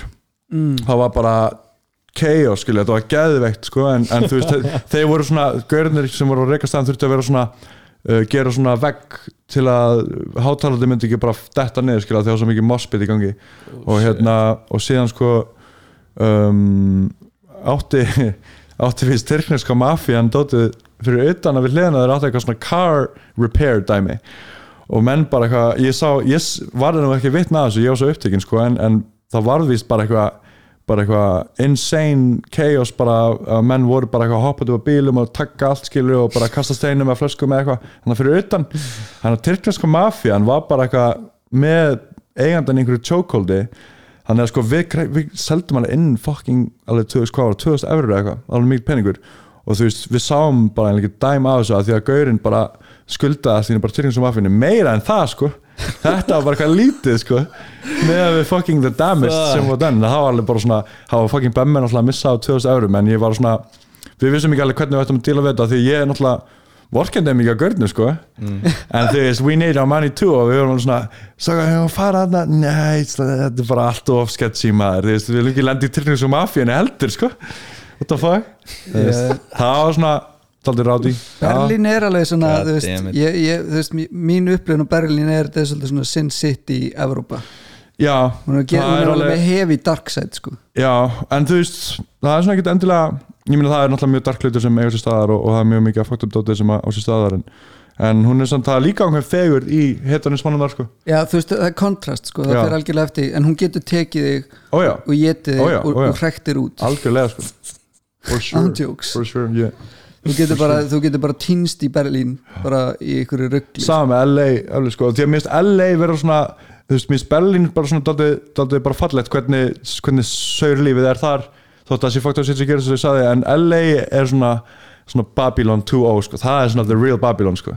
Það er, evil, evil energies í gangi sko. Það er alveg Sódóma að falla Já, líka sko, málega er það svo allir svo, það er svo mikið fólki sem obsesta sjálfu sér þar Já. í LA skilju. Það er bara svona super obsessed. Þú veist, ég fór ekkert í hann í bæjana og ég endaði í einhverju eftirparti akkurat á Hollywood Boulevard bara Já. í einhverju, blokk, eitthvað svona huge blokk eitthvað svona komplex dæmi. Já, og hérna, og þá var bara þú veist, þá var bara sko eitthvað svona Pamela Anderson Pía, þú veist, eitthvað svona gæla sem leit basically bara út, þú veist, svona 50 sko. Bara, þú veist, með sílikon og, og, og allan pakkan og var að tala um gömlu tímana sko. Nice. good, good old times, the 90s ekki ekki skilur þegar hún var að, hún var að me- meika því og einhver, einhver annar gauður sem var að sko setti á bíómynd hann setti á bíómynd þar sem hann var að leika að Ég sá þetta aldrei, ég er hérna með, með já, já, já, akkurat það bara eitthvað vera á myndinu svona Já, já, bara, herru, nú erum við að fara að horfa á bíómyndinu minna, þú veist, ykkur eftirparti í klukkan sko fjögur og nóttinu sko. Og maður er bara eitthvað, ég er bara eitthvað hvert er ég fokkin komin það, er- það, það, það, það er líka svo mikið svona hérna, er að því, að því að allir eru svona þú veist, og ég meina, maður neymdra bara alveg sjálfur bara, stundum kannski oftast að setja í samengi en skilur, bara en þarna sko neymdra bara fólk fyrir eitthvað svona þú veist, það er alveg bara svona þeng að neymdra bara og, og þá ertu svona að það er allir einhvern veginn svona, hvernig segir maður að önsku svona 1, 2, 3 up to 6 degrees of separation away frá einhver, þú veist, Pam, eins og sagði Pamela Anderson eða Já, einhver já. superstjörnum hún er sko Og- besta vinkurum Já, sko er alltaf eitthvað svona sko, Já, er já, já. Eitthvað, já, við erum að fara til hérna Við erum að fara til hérna Trommarinn í Red Hot Chili Peppers eða eitthvað svona Akkurat. Þú veist, eitthvað svona hérna Já, það er allt eitthvað svona neymdrup, já, já, við erum með partí sko hjá þessum. Já, já, já, einmitt. það er ógeðslega að fyndi sko það er, það er svona, út af ég sko einn félagi minn sem er hérna eitthvað svona alveg frekar svona stór prodúser uh, og byrjaði mjög ungur skilur að vera í LA og New York og svona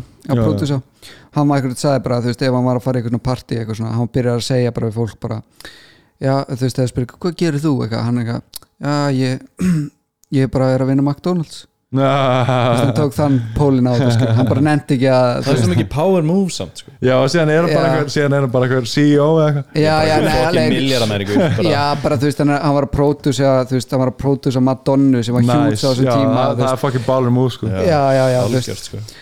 það vildi kynnast fólki sko. Já, Já, líka bara þú veist, þetta var svo góð filter fyrir hann sko. ég maður þegar ég hérna Í fyrsta Hollywood Hills partíinu sem ég fór í Og ég hef vilja Nú ætla ég nefndur Ég hef sjaldan verið svo, svona starstruck að ég hitti Lil Tracy Svona geði ykkur rappari. Já, og hérna, þetta var svona gothboy klikk alveg dæmið, eins og ég mitt staðan. Og hérna, gellan sem að þetta var bara hellastu húsin eitt hellastu húsin sé, bara mörgum hæðum bara fáránlegt mannsjón, sko, bara retarded, þetta er bara, þetta er alltaf mikið þetta er bara ómikið, ómikið plás, sko. En þau voru nýbúin að fá þetta hús eitthvað par þarna og ég spurði gellan eitthvað já, því ég var bara í sjokki, sko, ég var bara, wow, maður, þetta er bara ríkidæmi, maður, og ég spurði hana bara eitthvað What, what do you do? Like, what, are you, svona, what are you Já, doing já. live? Hana og hún sagði eitthvað, hún svaraði hennar var bara svona, mm -hmm, hún, var, hún sagði eitthvað oh, I chill eitthvað, I have fun eitthvað, sagði eitthvað svona, ég eitthvað ok, þú ríka, mjög ríka forða það var bara svona staðfesting Vá, það er, það sko, það er sjúklega mikið af trust fund kids. Í, í LA veist, ég var alltaf að hitta svona, þú veist þau, þau eru sko, það er eins og það sé eitthvað smá, sko, fyrir mig allavega veist, ef ég fylgist með það út frá. Það þau eru svona smá klikkuð, skilu Já, já. þau eru að gera klikkað hluti og þetta snýst allt um að allt sé fokkin bíómynd, sko. Já, já. þú veist, bara svona, þú veist, hver einasta moment þarf að vera, sko, alveg snar geðveikt, sko. Þannig að þú sést með einhverja geggja sögu til að segja, sko. Einmitt. Þú veist, þannig að það er alltaf svona að vera að hella óli á allan eld sem er í gangi, sko. Já, þú veist, og eru að gera þú veist, ég fór sko eitt gæði sem að, sem að ég hérna kynntist hann sem var Trust Fund hérna uh, svona Trust, gaur. Baby. já, og hann, bjó, hann, bjó, hann gerir fyrirtæki hann, hann kvikmyndaframlegandi og, hann, og hann vildi líka leikstýra bíómyndinni. Og ég endaði einhvern veginn á því að vera sko AC hjá honum. Já, næs og, og, og sem Vá var hvað það hefur verið gaman gaur, þetta var mesta sko shit show sem ég lendi í sko. Þetta var rosalegt sko og það, hann var líka bara, þú veist hann er snar ofvirkur sko Já. alveg snar, þú veist, þetta, þetta er svona gæi sem að, þú veist, hann er svona Johnny Knoxville típa, skilur, bara allir flúraðir skilur og er alveg bara, þú veist, með gulltennur og, og hérna, og þú veist og, og þá svo finnst þetta, ég var með kamerugur og kamerugurum var gett legit sem var á kamerunni og ég bara, eitthvað, þú veist, og hann var að þú veist, taka, hann bara stoppaðis í miðri senu skilur og sem bara, að færðu kamerun þangað? Og ég bara, eitthvað, út af því að hann bara að klippa í haustum á sér sem er bara Já. svona, sko, kvikmyndareglunum er sko eitt, að þú klippir ekki haustum á þér eða þú ert að leikstýra, sko. Hvernig þá, ég skil ekki alveg. Þú, þú veist, þá ertu basically að stoppa senuna og færi kameruna en þú tekur ekki alla senuna skilur já, í gegn þú ætti að láta kamerun að rúlla og bara láta bara og ekki síðan- vera að trubla já, og síðan rauninni. færir kameruna Já, og þú verður að segja klipp núna veist já, bara stoppar, veist en hann var að klippa basically bíómyndina bara meðan hann var að skjóta hana, sko, Já. bara í hausnum á sér skilur, Já, já. og ég eitthvað svona segi við kamerugurinn, ég bara, dude hérna, og ég ekki að segja eitthvað, þú veist, þetta er ekki og hann eitthvað Nei, ekki gera Já, bara, já, ég til er we, wanna get paid Já, já, paid, right? Já, bara eitthvað, þú veist, Don't worry about it. mesta shit show í heiminum sko. En, en Ságauður gerir tónlistavídeó ok, núna veit ég ekki hvað rapparinn heitir en það var, það var rappvídeó sem var fór væral þar sem, hann, þar sem hann gerir svona prumpuljóð yfir rappvídeóið þegar hann What? tók upp rappvídeó og rapparinn borgaði ekki fyrir það þetta fór væral sko. já, býttu fyrir Já, og hann byrjaði bara að gera eitthvað svona hérna, þau segja eitthvað svona I'm a, þú veist eitthvað, I'm a shithead gera eitthvað svona, gera eitthvað svona þú veist, yfir rappvídeó þjá sem gaur út af að gauri borgaðanum ekki fyrir rappvídeó og sem hann bara gerði publisaði honum Já, að publisaði maður. og þetta, fó, þetta vídeo fór fokki væral sko. og hérna, Ég, þetta er sami gaur sem, a, sem að ég var hana, Já, ok. sem var að leikstýra sér sko. Gaurinn sem að, sem að, að framleiti prumpu mig út af því að hann, hann fekk ekki borga Já, já, já. það, það, Akkurat, það, hann bara ekki, ok, fuck this dude gefum þetta, þetta er oflott vídeo til þess að við gefum það ekki út. Við skulum fokka ferlinu upp þessum rappar það var að sama hérna, með hérna, það var eitthvað gaur sem var eitthvað svona rótari á einhverju Courtney Love tónleikum. Courtney Love sem að hann fyrir, ja, þú veist, Courtney Kurt Cobain. Og eitthvað, hann sagði að hún hefði ekki borgað sér þannig að hann releasaði þú veist hráu upptökunum á röddunina sem hann var bara gólandi og það hljómaði ekki nóg, nóg vel en bara, ég ætla að taka allt autotune allt hérna, allt, alla Já, það var ekki sáttu, það var bara, þú veist, bara screeching gítar í bakgrunum en síðan bara, ef þú hlusta bara á röddina einu sér. Já, já, og já. veist, ég, ég, er, ég elska þú veist, hérna, allt modern rap en það var verið að posta, þú veist hérna, eitthvað svona Cardi upptökum án orðtún eitthvað, þetta er eitthvað svona rost þannig að bara eitthvað svona gaur, reyndu að hljóma betur en Cardi? Án orðtún skilur en, en, uh, en það, það er fyndið hvernig það sem það lítur á það, það er fyndið að heyra upptökun án orðtún já, það, það er að fyndið. Er sérstaklega það ef með fyndið. Einhverju Já, í þessari barnarett skilur auðvitað er það fucking fyndið. Já, en ég líka meina ekki, vera eitthvað heita skilur reynd þú að gera, reynd þú að gera betur lag en Playboy Cardi maður það er líka, þú veist, að því að þessi rastistar er líka, þú veist, að spila á þú veist, autotune eða filterina eða whatever Já, það er svo músikalsk, það þetta, er svona músikalsk notkun á, þú veist, þannig að, já, að það- þeir eru ekki að hlusta eins og röddina sína þeir eru bara að hlusta á, þú Einmitt. veist, stöffi eins og það er, skilur, unnið. Já, Já, akkurat Það er ógæðslega fyndi sko það, veist, þegar maður sjálfur er í stúdíun og það vera að taka upp eitthvað autotune og félagið með sem Maður er bara góla oft, góla oft, og, bara maður, maður, falskt. og maður er sjálfur ekki að hlusta tónlistina og maður veit ekkert hvað er í gangu maður er bara fuck, þetta er eitthvað hrikalegt. Og síðan, síðan nýtt að play og þá bara hljómar þetta bara, þetta bara baneitrað og maður er bara god damn. Hérna, ég, hérna, ég held að það var fyrsta fyrsta lagallana sem ég, þú veist, postaði með autotune, ég var eitthvað að gera allan eitthvað svona layer autotune, hvað er að frétta á lag sem var eitthvað 2016 eitthvað með mér, Countess Malays og Svarta Lagsnes og hérna, ég var í stúdíun bara að tjekka þessu og ég bara, með heyrðutólinu og bara, þú veist, ég er ekkert eitthvað besta söngur í heiminum og sérstaklega ekki þá, sko en hérna, það var bara svona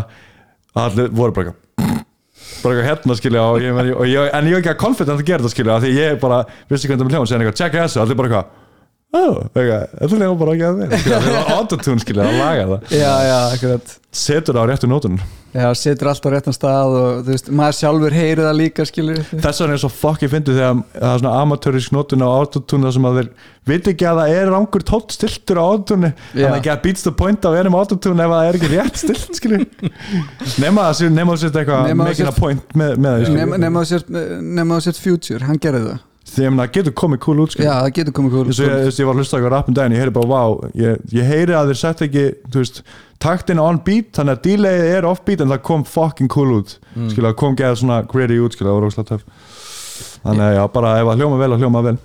Já, klál, já Þú veist, það, er, það, er bara, það er bara þannig. Er svo fyndi samt sko hvað margir eru þú veist, en að þú veist, autotune, þú veist, autotune var svolítið svona óur notað skilur jú, jú. svona búið að vera svolítið svona autotune age núna senstu tíu árin, búið að vera mega Já, autotune. Ég var reynd þannig bara þannig að þú veist þegar ég var í LA ég myndi þannig að tala um hann að Ham on Everything Gothboy Click senna skilur sem var bara það mest poppin skilur. Mhm. þú veist svona liða píp dáin þannig að þú veist það eru svona það eru svona klónar skilur og maður fann að þú veist það var þetta bara einhver autotune bara þú veist bara hérna undanranna sko og maður var ekki, var maður fann að, að það svona emo rap með autotune og einhverju svona hvítir gaurar með tattoo var bara þetta var svona aldrei á leiðinu út sko þetta var við fann að, að fólk var ekkert mikið sko Já, en þú veist þetta, þetta er alveg ennþá þú veist poppin þetta er hjút sena úti bara, en maður fann að það var eitthvað nýtt svona á leiðinu inn og þú veist það sem var svona tóldi, þegar ég var nýkominn LA þá var hann 100 Gags All the Rage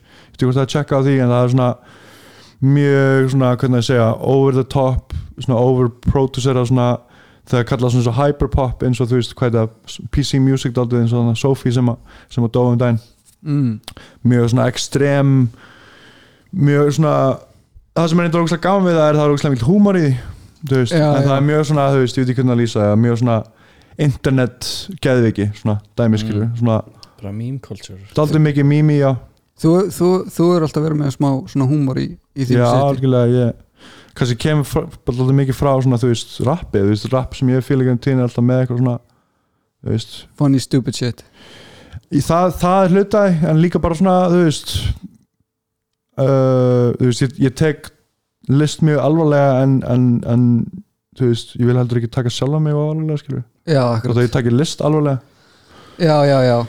Þannig að þú veist, já, ég bara hef gaman af fólki sem að er eitthvað svona létt á lund eitthvað. En, síðan aftur á móti hefur maður líka gaman af einhverjum gauður sem eru bara alveg bara, bara, bara merk, bara stífir aðeins bara, þú veist. Já, ef, að þeir, ef að það er eitthvað lukk skilja einhverju gaur sem er bara þýskasti gaur í heimi að púla það bara eitthvað, ég veit ekki. Hvernig, hvernig finnst þér svona þessi flexina sem er í gangi? Þú veist, það er svolítið mikið í hiphopinu. Já, ég meina, þú veist ég, Svona- að, ég elska, ég elska, elska það sko en, en það er svona það er ekki þetta hérna mm, það er ekki þetta að sustaina flexinu að eilíu kannski. Vöðvarnir munir rýrna en nei, ég, ég, þú er veist eitthvað sem hefur bara verið alltaf. Já, auðvitað, Já, en auðvitað. það- Ég, ég, ég finn mig mjög mikið bara svona í miðjunni alltaf því að ég svona elska svo mikið nýtt rap og ég er alltaf með bara að reyna með puttana púlsum sem ég get og ég elska svo líka svo mikið bara rap history og gamalt rap skilur bara alveg frá því bara byrjunni sko bara. Þú veist, sama hvað það er þá, þá, þá hef ég áhugaði þannig að þú veist, ég finn mig svo mikið oft í miðjunni að, að því ég er líka svona ég er svona, í- þú veist annarkvort millennial eða svona early generation C þannig að ég er svona í miðunni af einhver kynnslóðum og er svona vernda, ofta vernda nýja dótið frá gamleisunum og ofta vernda galdótið frá nýja hessunum skilur, eitthvað type shit já, já, akkurat, það fyndi sko að vera na, middle, middle child Já, já, já. Í, í þessari tónlist sko. já, þú ert einhvern veginn búin að upplega þú veist, þú upplegir bæði sko. veist, bæði verður allt í lægi fyrir þér þú ert ekki með eitthvað svona, svona extreme neikvæða skoðun á, Já. á Já. er í gangi en mér, ég, mér er svona nokkuð, nokkuð þú veist, svona, mín skoðun er að þú veist, ég 93 að svona, mér finnst svona árgangurinn, minn árgangur og árgangurinn í kringum minn árgangur vera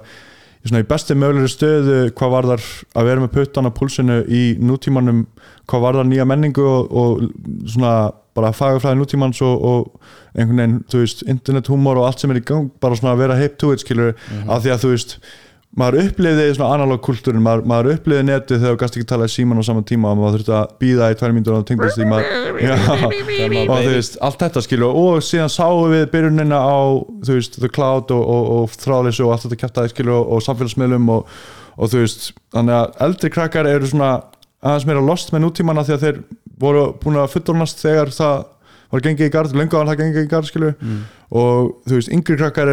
að hafa ekki sömu upplifanir að því að þeir bara fættust Þeir og, og þá var allt komið orðið digital og, og orðið, orðið í loftinu. En, en, en við svona erum með einhver svona uník náðum að sjá báða heima og hérna og þú veist, var alltaf að tala um nýja plöðnum minna Reykjavík 93, þótt að ég var að tala um að hún væri óður til hérna til svona 90s Airsen þá er hún líka einlega svona að gera grín að þessari svona 90s nostalgíu sem er búið að vera í gangi gett mikið nýlega. Og þú veist tónlistin á plötunni er voða mikið svona eins og það hefur verið kallað rave revival.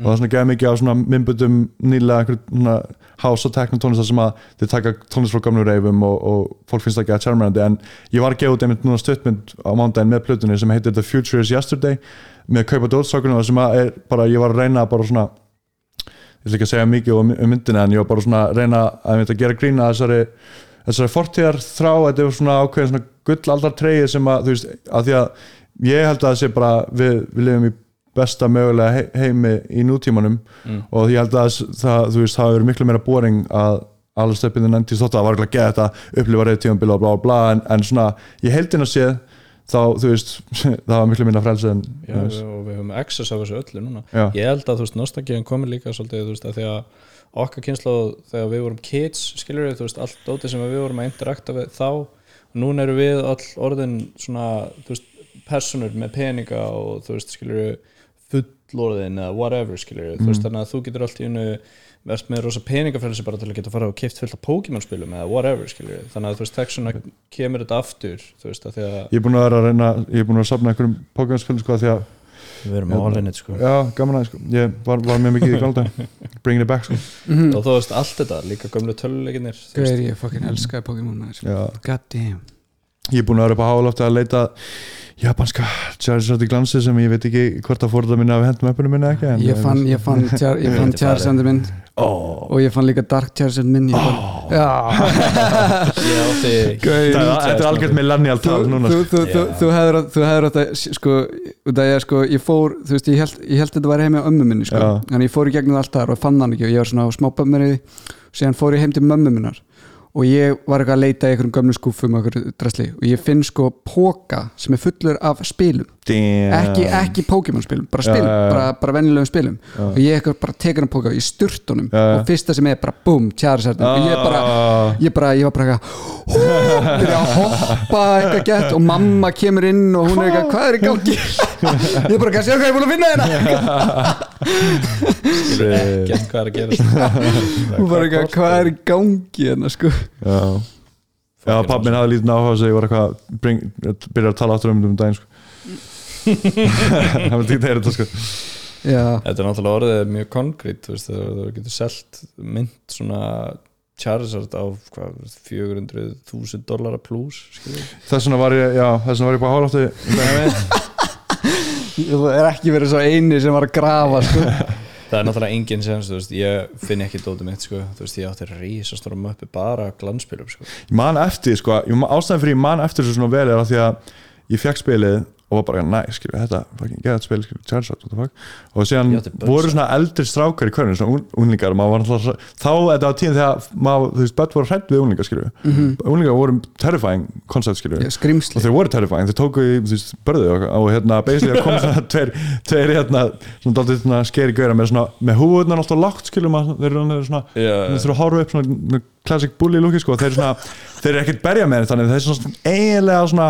strong arma mig í að skipta lélegum spilum, að þeir bara, ó, eitthvað maður sjá hvað að spila með, auð, eitthvað svona Charizard, heyrðu, viltu ekki bara fá það að spila? Eitthvað hérna, ég eitthvað, eh, eitthvað svona, þór ekki að segja neitt skilur, mm. lítið krakki. Og ég fer eitthvað gett bömd át heim. Og kemur hinn mikli meistaramæður, gaman fjölskylduðinur Artmundur Ernst Backmann, sjálfast að hann. Ég segja hann alltaf gett bömd át og hérna hann bara eitthvað, heyrðu, ég veit hvað sákvært eru fer eitthvað, kemur tilbaka til tíu mínútur bara, hérna, kemur með Charizardin minn shoutouts á Adda Backmann rettaði mér hann sko. og síðan finnst mér líka, nú líka að, að, að, hérna, að síðan hafi, eh, því hafið verið hendi í einhverjum hreingerningum Ah, eða eitthvað en bummer. eh, við, við sjáum til það er bömmur að það fylgdi þessu saga sko. já, já, ég, meni, ég held bókstlega að það sé ástæðan fyrir ég muni svona vel eftir þessu sko. mm. hlýtur að vera Já, shit, þetta var, þetta er líka sko, ég held að fyrir sko, þú veist, hérna svona, þú veist, þetta, þetta kýtla svo margt, líka bara trade elementi í þessu sko, já, já. þú veist, að vera og líka, þú veist, keppnis hérna, Drakko kallar voru fucking geðegir maður Varst í Drakkónu? eitthvað smá sko ekki að mikið af Pokémon þeir bara eru svo cool, þeir líta svo cool út það er svo cool hönnun í gangi Mm -hmm. geða cool hönnun Ég líka aldrei niða sko ég átti smá drako, já. ekki mikið samt, sko. og Pox Pox, ég, var- ég var nú eitthvað í því það, wow, true ætli það sé, ertu með ebay símanum með það? Nei, Nei, Heyri, á með þið tjekka, ég ætla að fara, ég ætla að fara að pissa, ég kemur smá. Alright, alright Þið getur kliftið þetta eitthvað. Já, já, ok. Já, ég held það sér rétt, við erum kannski búin að tala á um, um samfélskenningu Nei, það má alltaf tala um það sko. Ég bara, ég bara En ég var að segja, að það er heilbrið heilbrið að vera með limit á því, sko, fyrir hvert dag, sko. Ég ætla að fara mjög líka Þannig ekki, týn ekki áherslu, sko,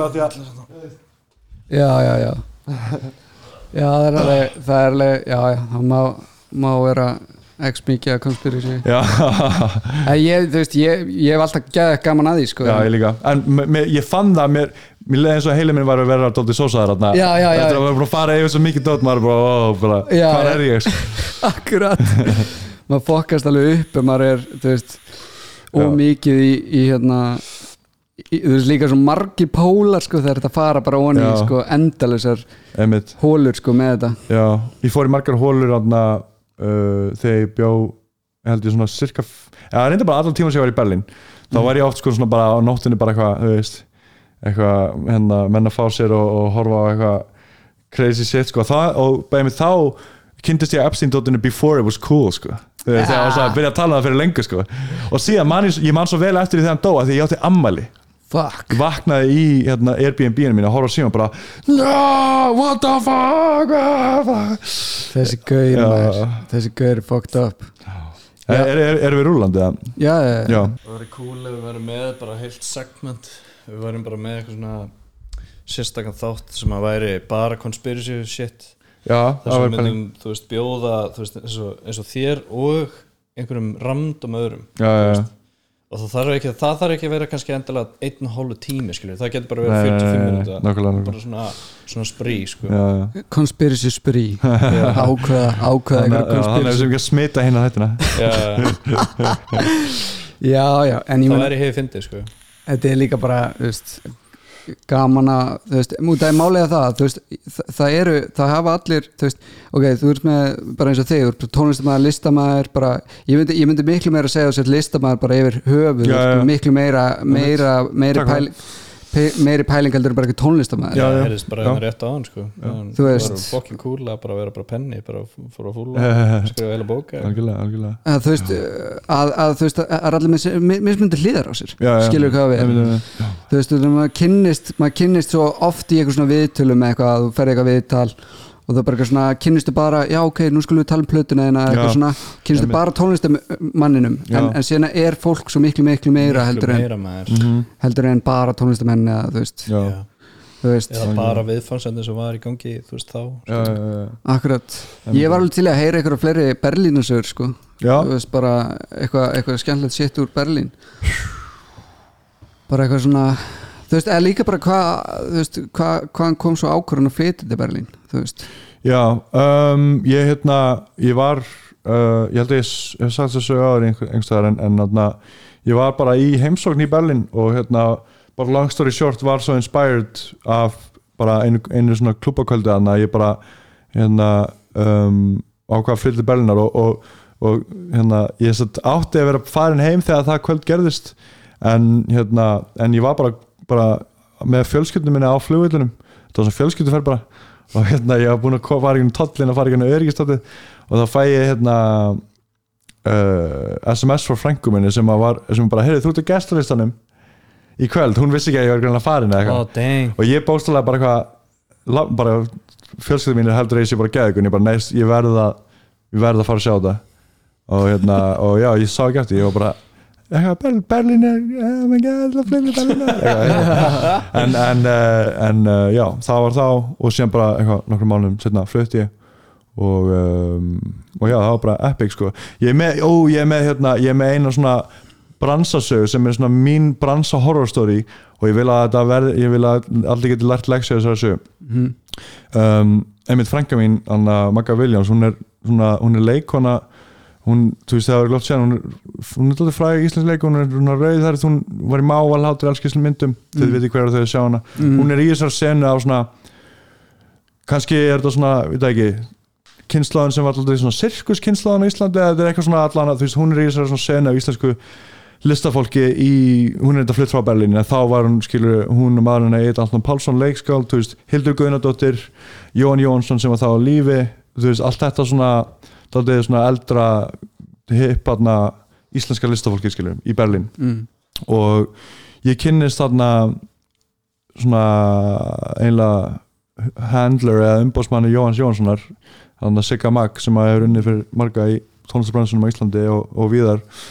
Og hann svona við erum kunningar og, og hann, mér skilst eitthvað Jóhanni Jóhanssoni vantar lærling. Og ég er sko obsessed af hérna svona kvikmyndatónlist og svona sérstaklega svona hryllingsmyndatónlist sem, sem, Jóhann, sem var svona fortegans Jóhann Jóhannssonar hann var einmitt í svona supergrúpur sem heit Evil Madness sem var svona syntha hryllingsdæmi svona íslensk supergrúpur sem alltaf obskjúr en, en horrorsynth já, bara, eða, þú veist, bara, bara soundtrackin í gamlu hryllingsmyndum Já, ok, þú ok, veist, ok. sérstaklega og hérna og kallmyndum og, og ég verð alltaf fucking spenntur bara, bara Jóhann Jóhannsson er bara ákveðið idol sko, þannig að hérna, ég er mjög spenntur fyrir því og og, um, og já það er, og ég verð alltaf möguleika ég geti verið lærlingur hans og síðan, síðan þetta bara örleikar örleikaríka mómenti, ég var að vinna á púlinni var eitthvað að gera hérna salati eða eitthvað. Og síðan fæ ég bara SMS frá Sigga og hann spyr mig Canto Sibelius? sem er svona nótnaforrið til að útsetja nótur. Og þú veist bara í staðan fyrir að hugsa mig um tvisvar þá, þá svaraði ég bara hreinskinn sem sagði bara nei, ég kann ekki að það skilju Mm. og hann eitthvað ok. Og, og ég fekk ekki starfið út af því að mannskjörn sem kunna Sibelius fekk það sem ég hefði átt að gera var að vera bara veist, nei, ég kann það morgun eða bara, já, stöður bara lífa að segja já og síðan læra það. Já. en þú veist, uh, síðan er bara Jóhann Jóhansson bara látin í dag. Þannig að þetta er svona stóra leksjan er bara fake it till you make it krakkar. Mhm. uh, ég hefði getað sagt eitthvað miklu meira proaktíft svar heldur en heldur en nei, hérna, nei, kann ekki að Sibelius þannig að það er mín stóra hérna, bransa horror story en ég meina bara rest in peace Jón Jónsson og, og hérna og allt það sko.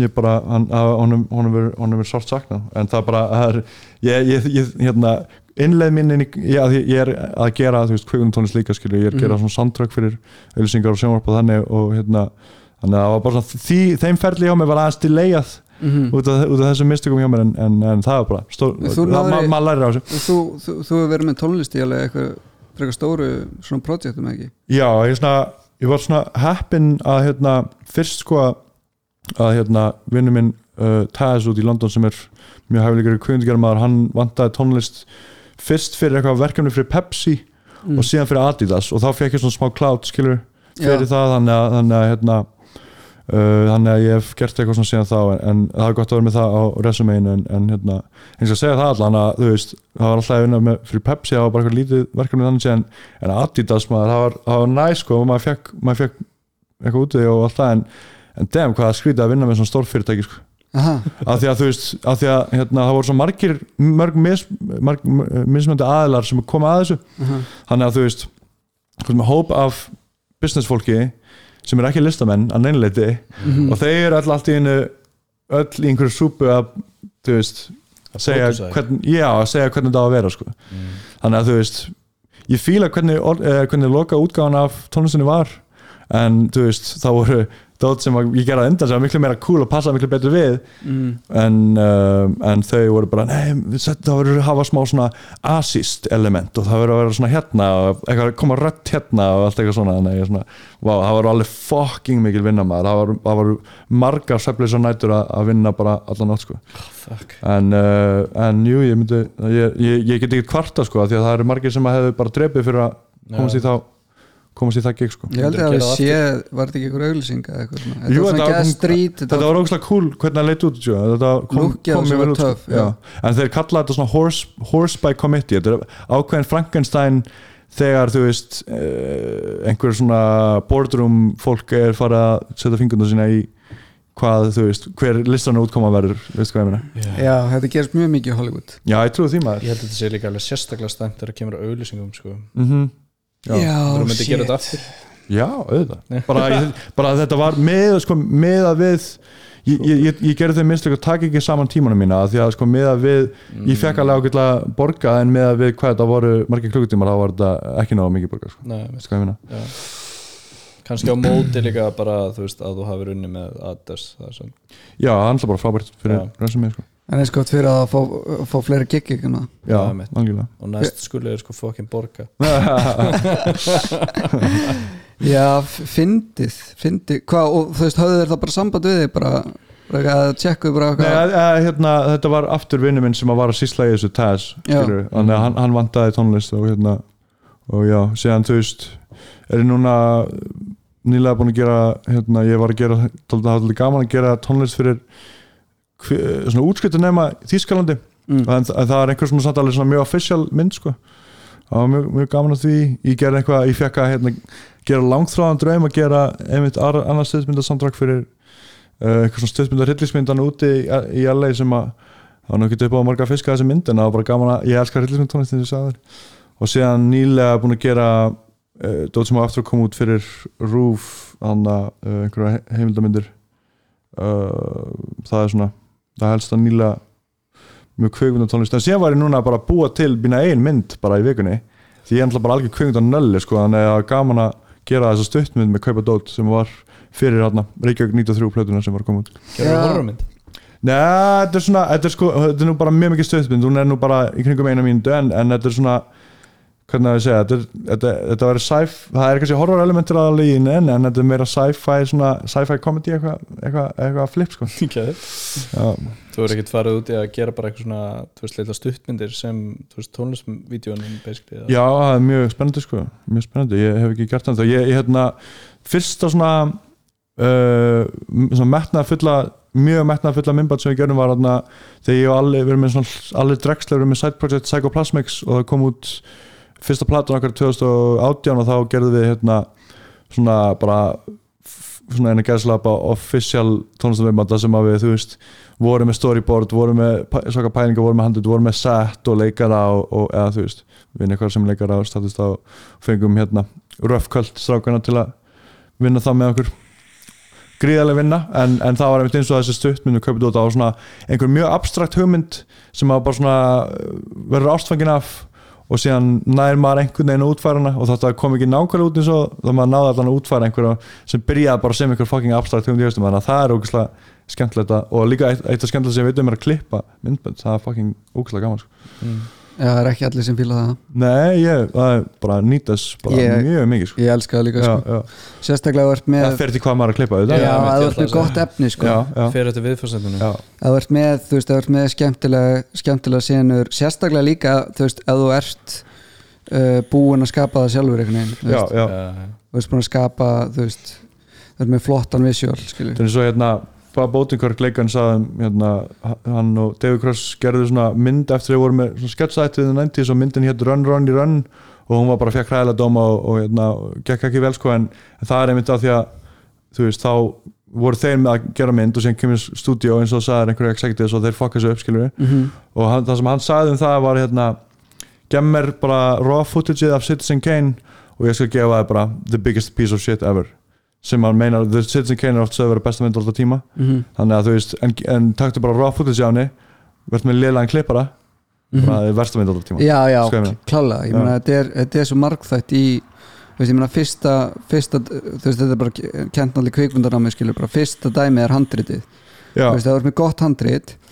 Einu sem getur fokkað upp er lélega leikstjórn lélega leikur eða lélegt klipp já, já, já, það er frekar simp, einmitt. Þetta er bara, það er basically ég meina, það er mjög léleg leikstjór tónlist, léleg soundmix það er svona nokkur aðeins elements en frekar basic, frekar basic. Það sem er hræðilegt sound design Gaur, ég var ekkert að- að, ég var ekkert að horfa okkur að þætt á Netflix núna sem voru heavy cool looking ég, ég man ekki hvað það reyta en það var umuleg tónlist. Og þetta var átti alltaf að gerast sko þetta átti alltaf að gerast sko bara í London bara þú veist 1900, þú veist 1930 eða eitthvað 1940 skilur og þeir voru með bara þú veist þeir voru bara með sko hérna EDM bara svona Skrillex tónlist það meikaði engan sens það meikar ekki bara eitthvað fólk í einhverju hérna, einhverjum kjólum eða eitthvað. já já bara eitthvað í, í, í einhver, svart kvítu já, Já, í, í, einhverju, í, einhverju, í einhverju leikmynd sem passaði ekkert það væri, það væri hægt að vinna með þannig kontrast á áhugaverðan hátt en það ljómar eins og það er ekki útfært á áhugaverðan hátt. Það væri hægt að gera það þú veist ef það væri svona sci-fi vibe á þessu. Já, já, já. eða bara eitthvað tónlistavídeó eða eitthvað þannig skilur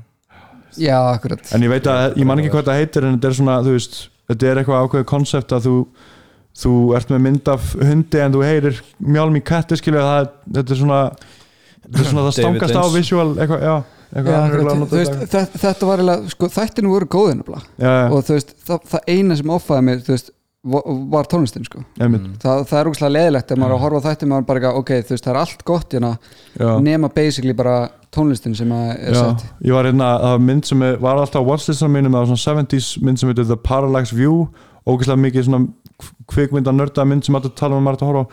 Byrjaði á henni og það var svona atriða sem að það var svona einhver svona gauður með byssu sem var svona flýja löggunni og voru upp á hana The Space Needle í Seattle hlaupat upp á svona þakinu og það var svona Hey, stop there! Hérna fóliart ég var bara að hugsa um bara þetta var svo skrítið hérna samdesign ég var bara fór bara að hugsa um bara gaurin í stúdíónu sem var bara Var það byssan eða? nei, nei, það var fótsporin. Já, já, já, þetta var ógeðslega skrítið og síðan kom næsta atrið og það var geðið skrítið.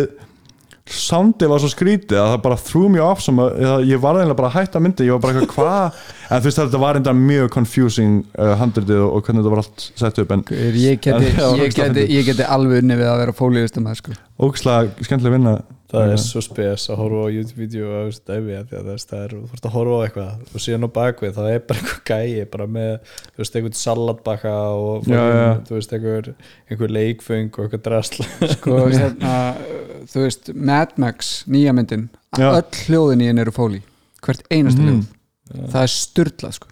Já, er pælir í bara, þú pælir í bara að sounddesign í þessari mynd er sko Menur, menur þau er eru all original skrítið. fóli búin til specifíkli fyrir myndina eða veist bara öll hljóðin eru fóli hljóð, það er veist, já, okay. Ne- nema talið og, og tónlistin. Uh, já, En- en- tó, tal- tónlistin er náttúrulega bara en þýðandi þá að það er, það er veist, það er það er ekkert svona hérna, það er ekkert incidental hljóð af því sem er í gangi í seninni ne- nema kannski díalókurinn, það er bara já, mm Mhm. já, sem er klikkað þegar þeir actually krössuðu öllum bílunum sem þú sér krössa þú veist, það er bara Vá. actually að gerast það er eitt atrið þarna eiginlega í endan það sem að þú veist þeir klessa allir gegnum hana það er ekki svona hellir en þetta er eitthvað svona skarð já, já, og það kemur svona 3D moment það er eitthvað svona uh, stýra á bílnum sem að kemur veist í áttina já, og það er ég eina og það er bara svona overlay 3D yfir það sem er að, var að gerast Já. skilurðu. En Ég- þeir bara smölluð öllu það er geðveik mynd eftir Brian De Palma sem leikst fyrir Scarface sem heitir Blow Up, nei Blow mm. og hérna uh, hún held ég eitthvað 80s og þá John Travolta leikur einmitt svona soundmixer fyrir kvikmyndir eða foley artist eða eitthvað hannig Mm. sem er út að lappa með svona, með svona zoom mic Já. og síðan, þú veist líður honum eins og hann hafi séð morð hinum megin við brúna sem hann standi hjá eða eitthvað skilur, mm. þannig að taka upp náttúruhljóð Mm. Og síðan verður hann síðan fjalla myndinum að hann er stöðut að, þú veist, hlusta á upptökun og er obsessed af því að, að hann hafi, já, þetta, er- þetta er svona, svona thriller um foley artist ægilega það er mjög góð mynd sko. Með hljóður rannsók já, og hann er alltaf með já, það er rókslega áhuga mynd.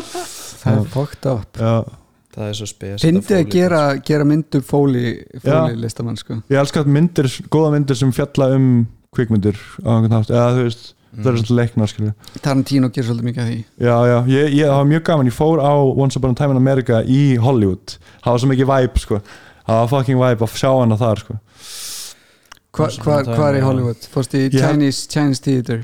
Nei, ég held að ég fari á hana uh, Arclight á Sunset sem að er, held ég núna að mögulega loka út á COVID, fucking nefnilegt, sko. Já, það er var hún releasað í svona roadshow eins og hérna um, hvað heit vesturinn hans um, Django, nei nei nei. Uh, Hateful Eight. Hateful Eight, já. Mér finnst það að vera versta Tarantino myndin.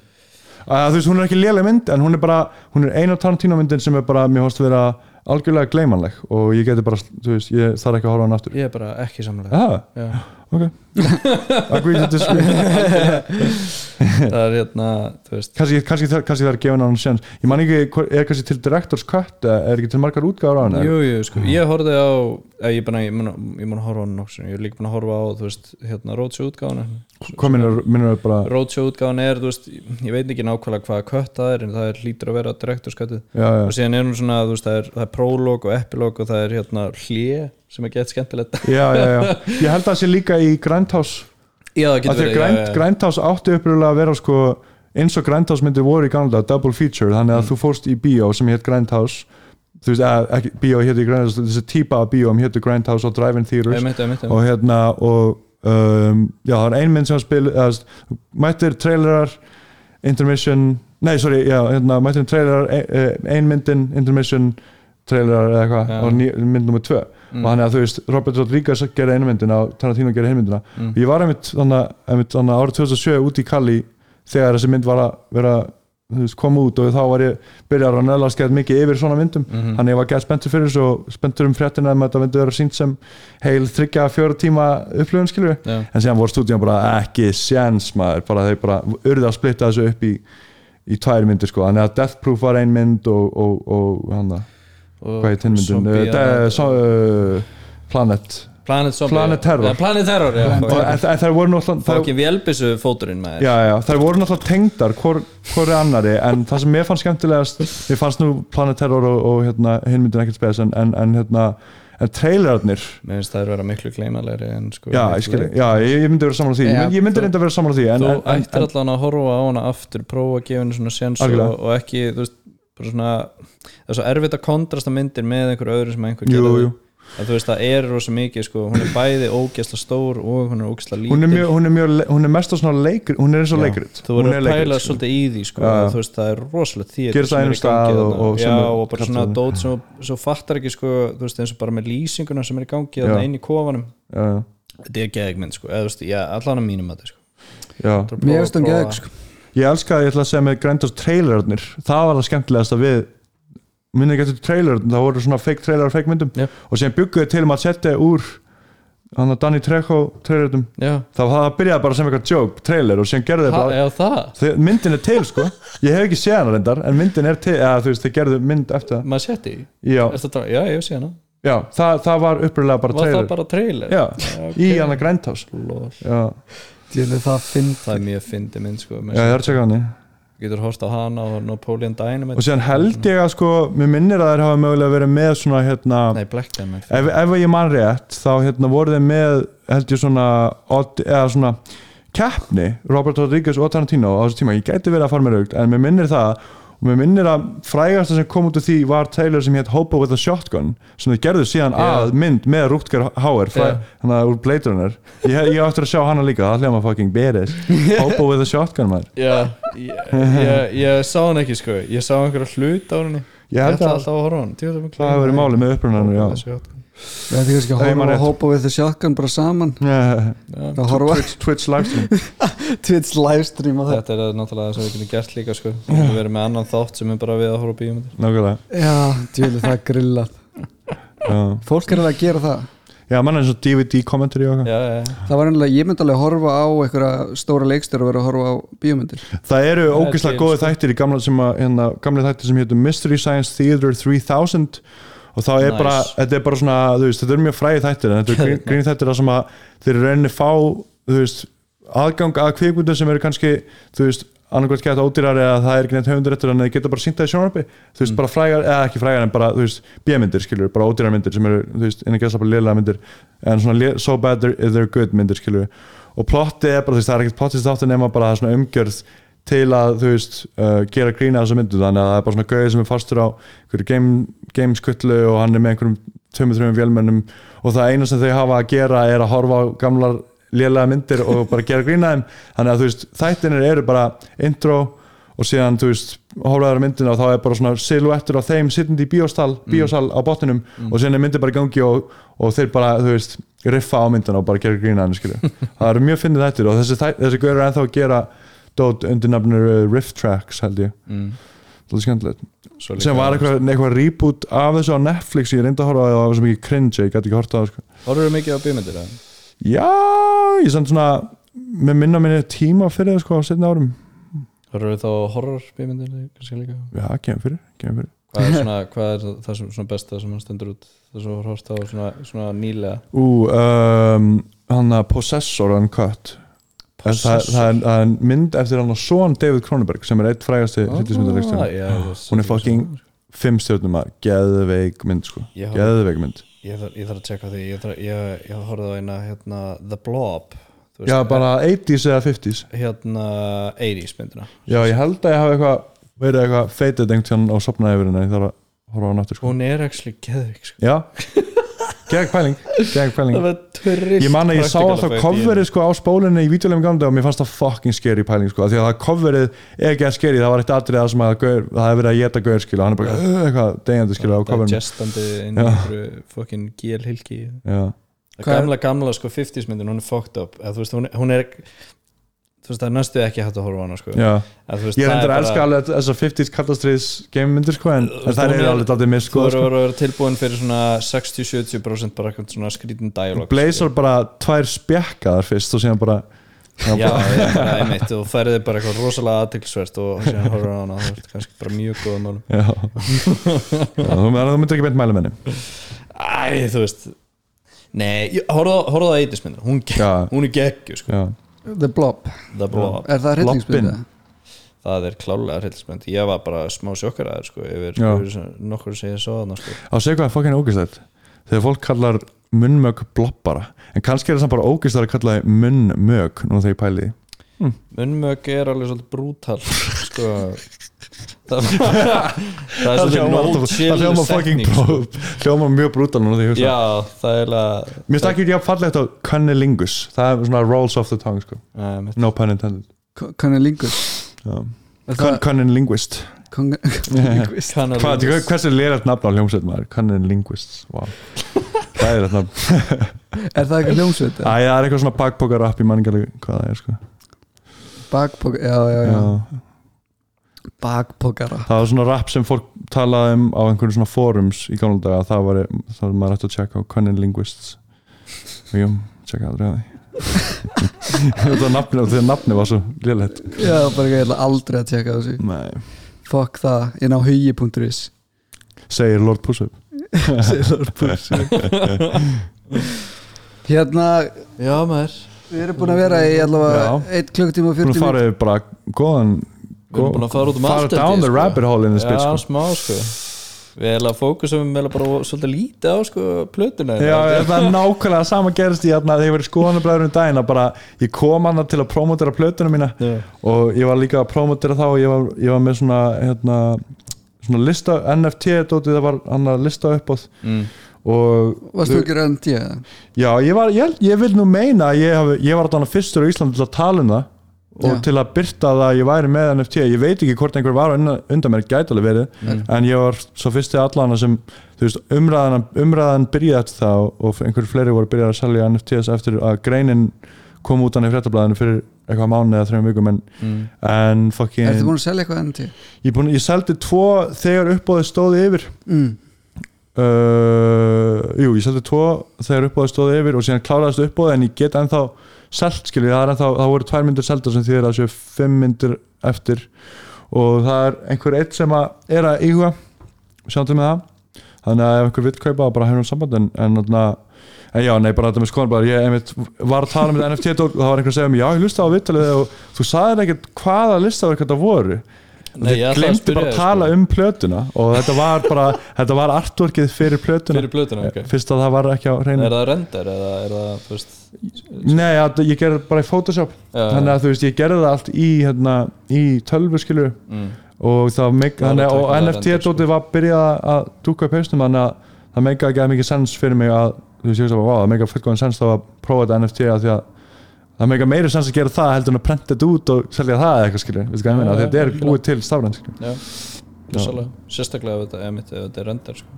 já, uh, Já, maður Kúlað að hoppa á það. Já. Já, Þannig að tjekkja á því að er, hérna, Reykjavík 93 komin út hérna, EP komin út á öllum streymisveitum með einhver skemmtilegum remixum líka.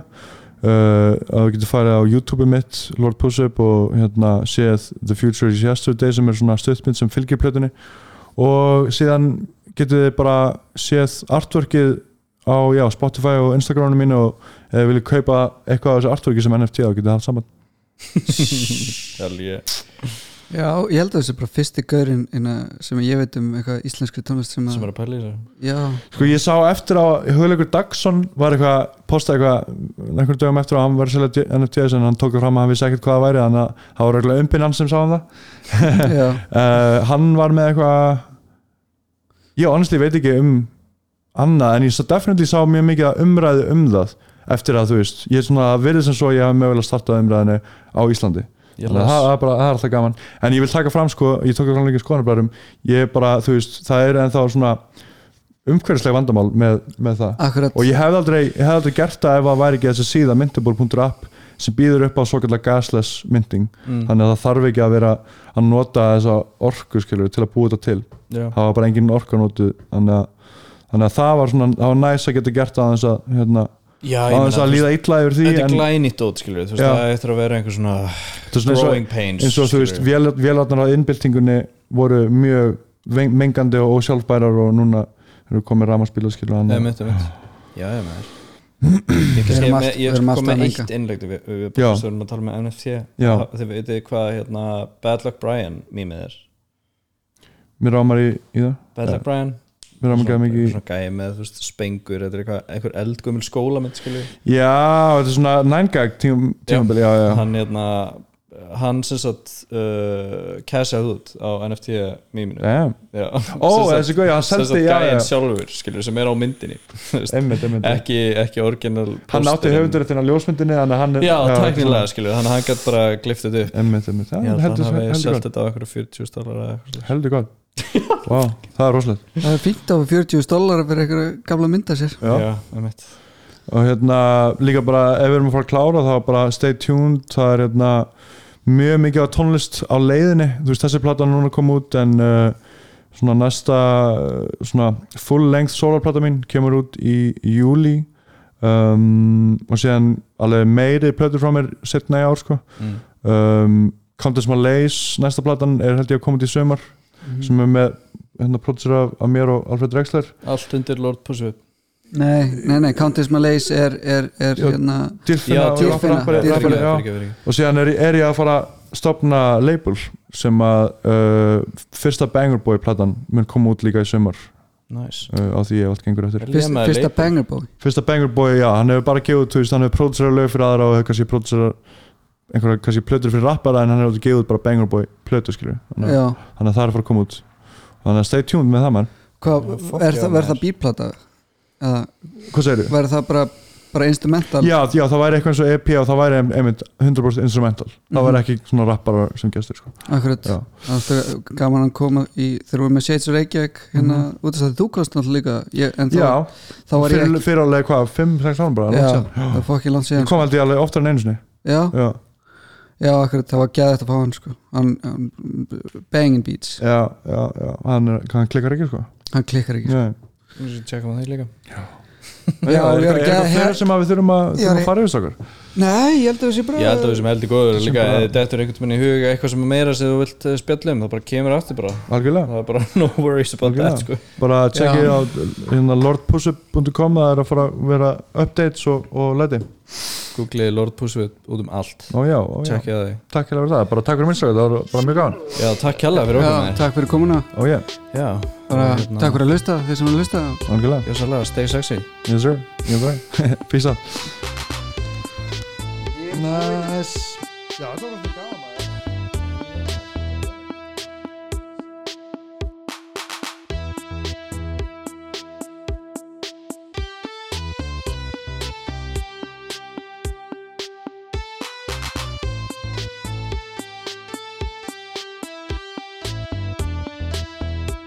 With the Lucky Land slots, you can get lucky just about anywhere.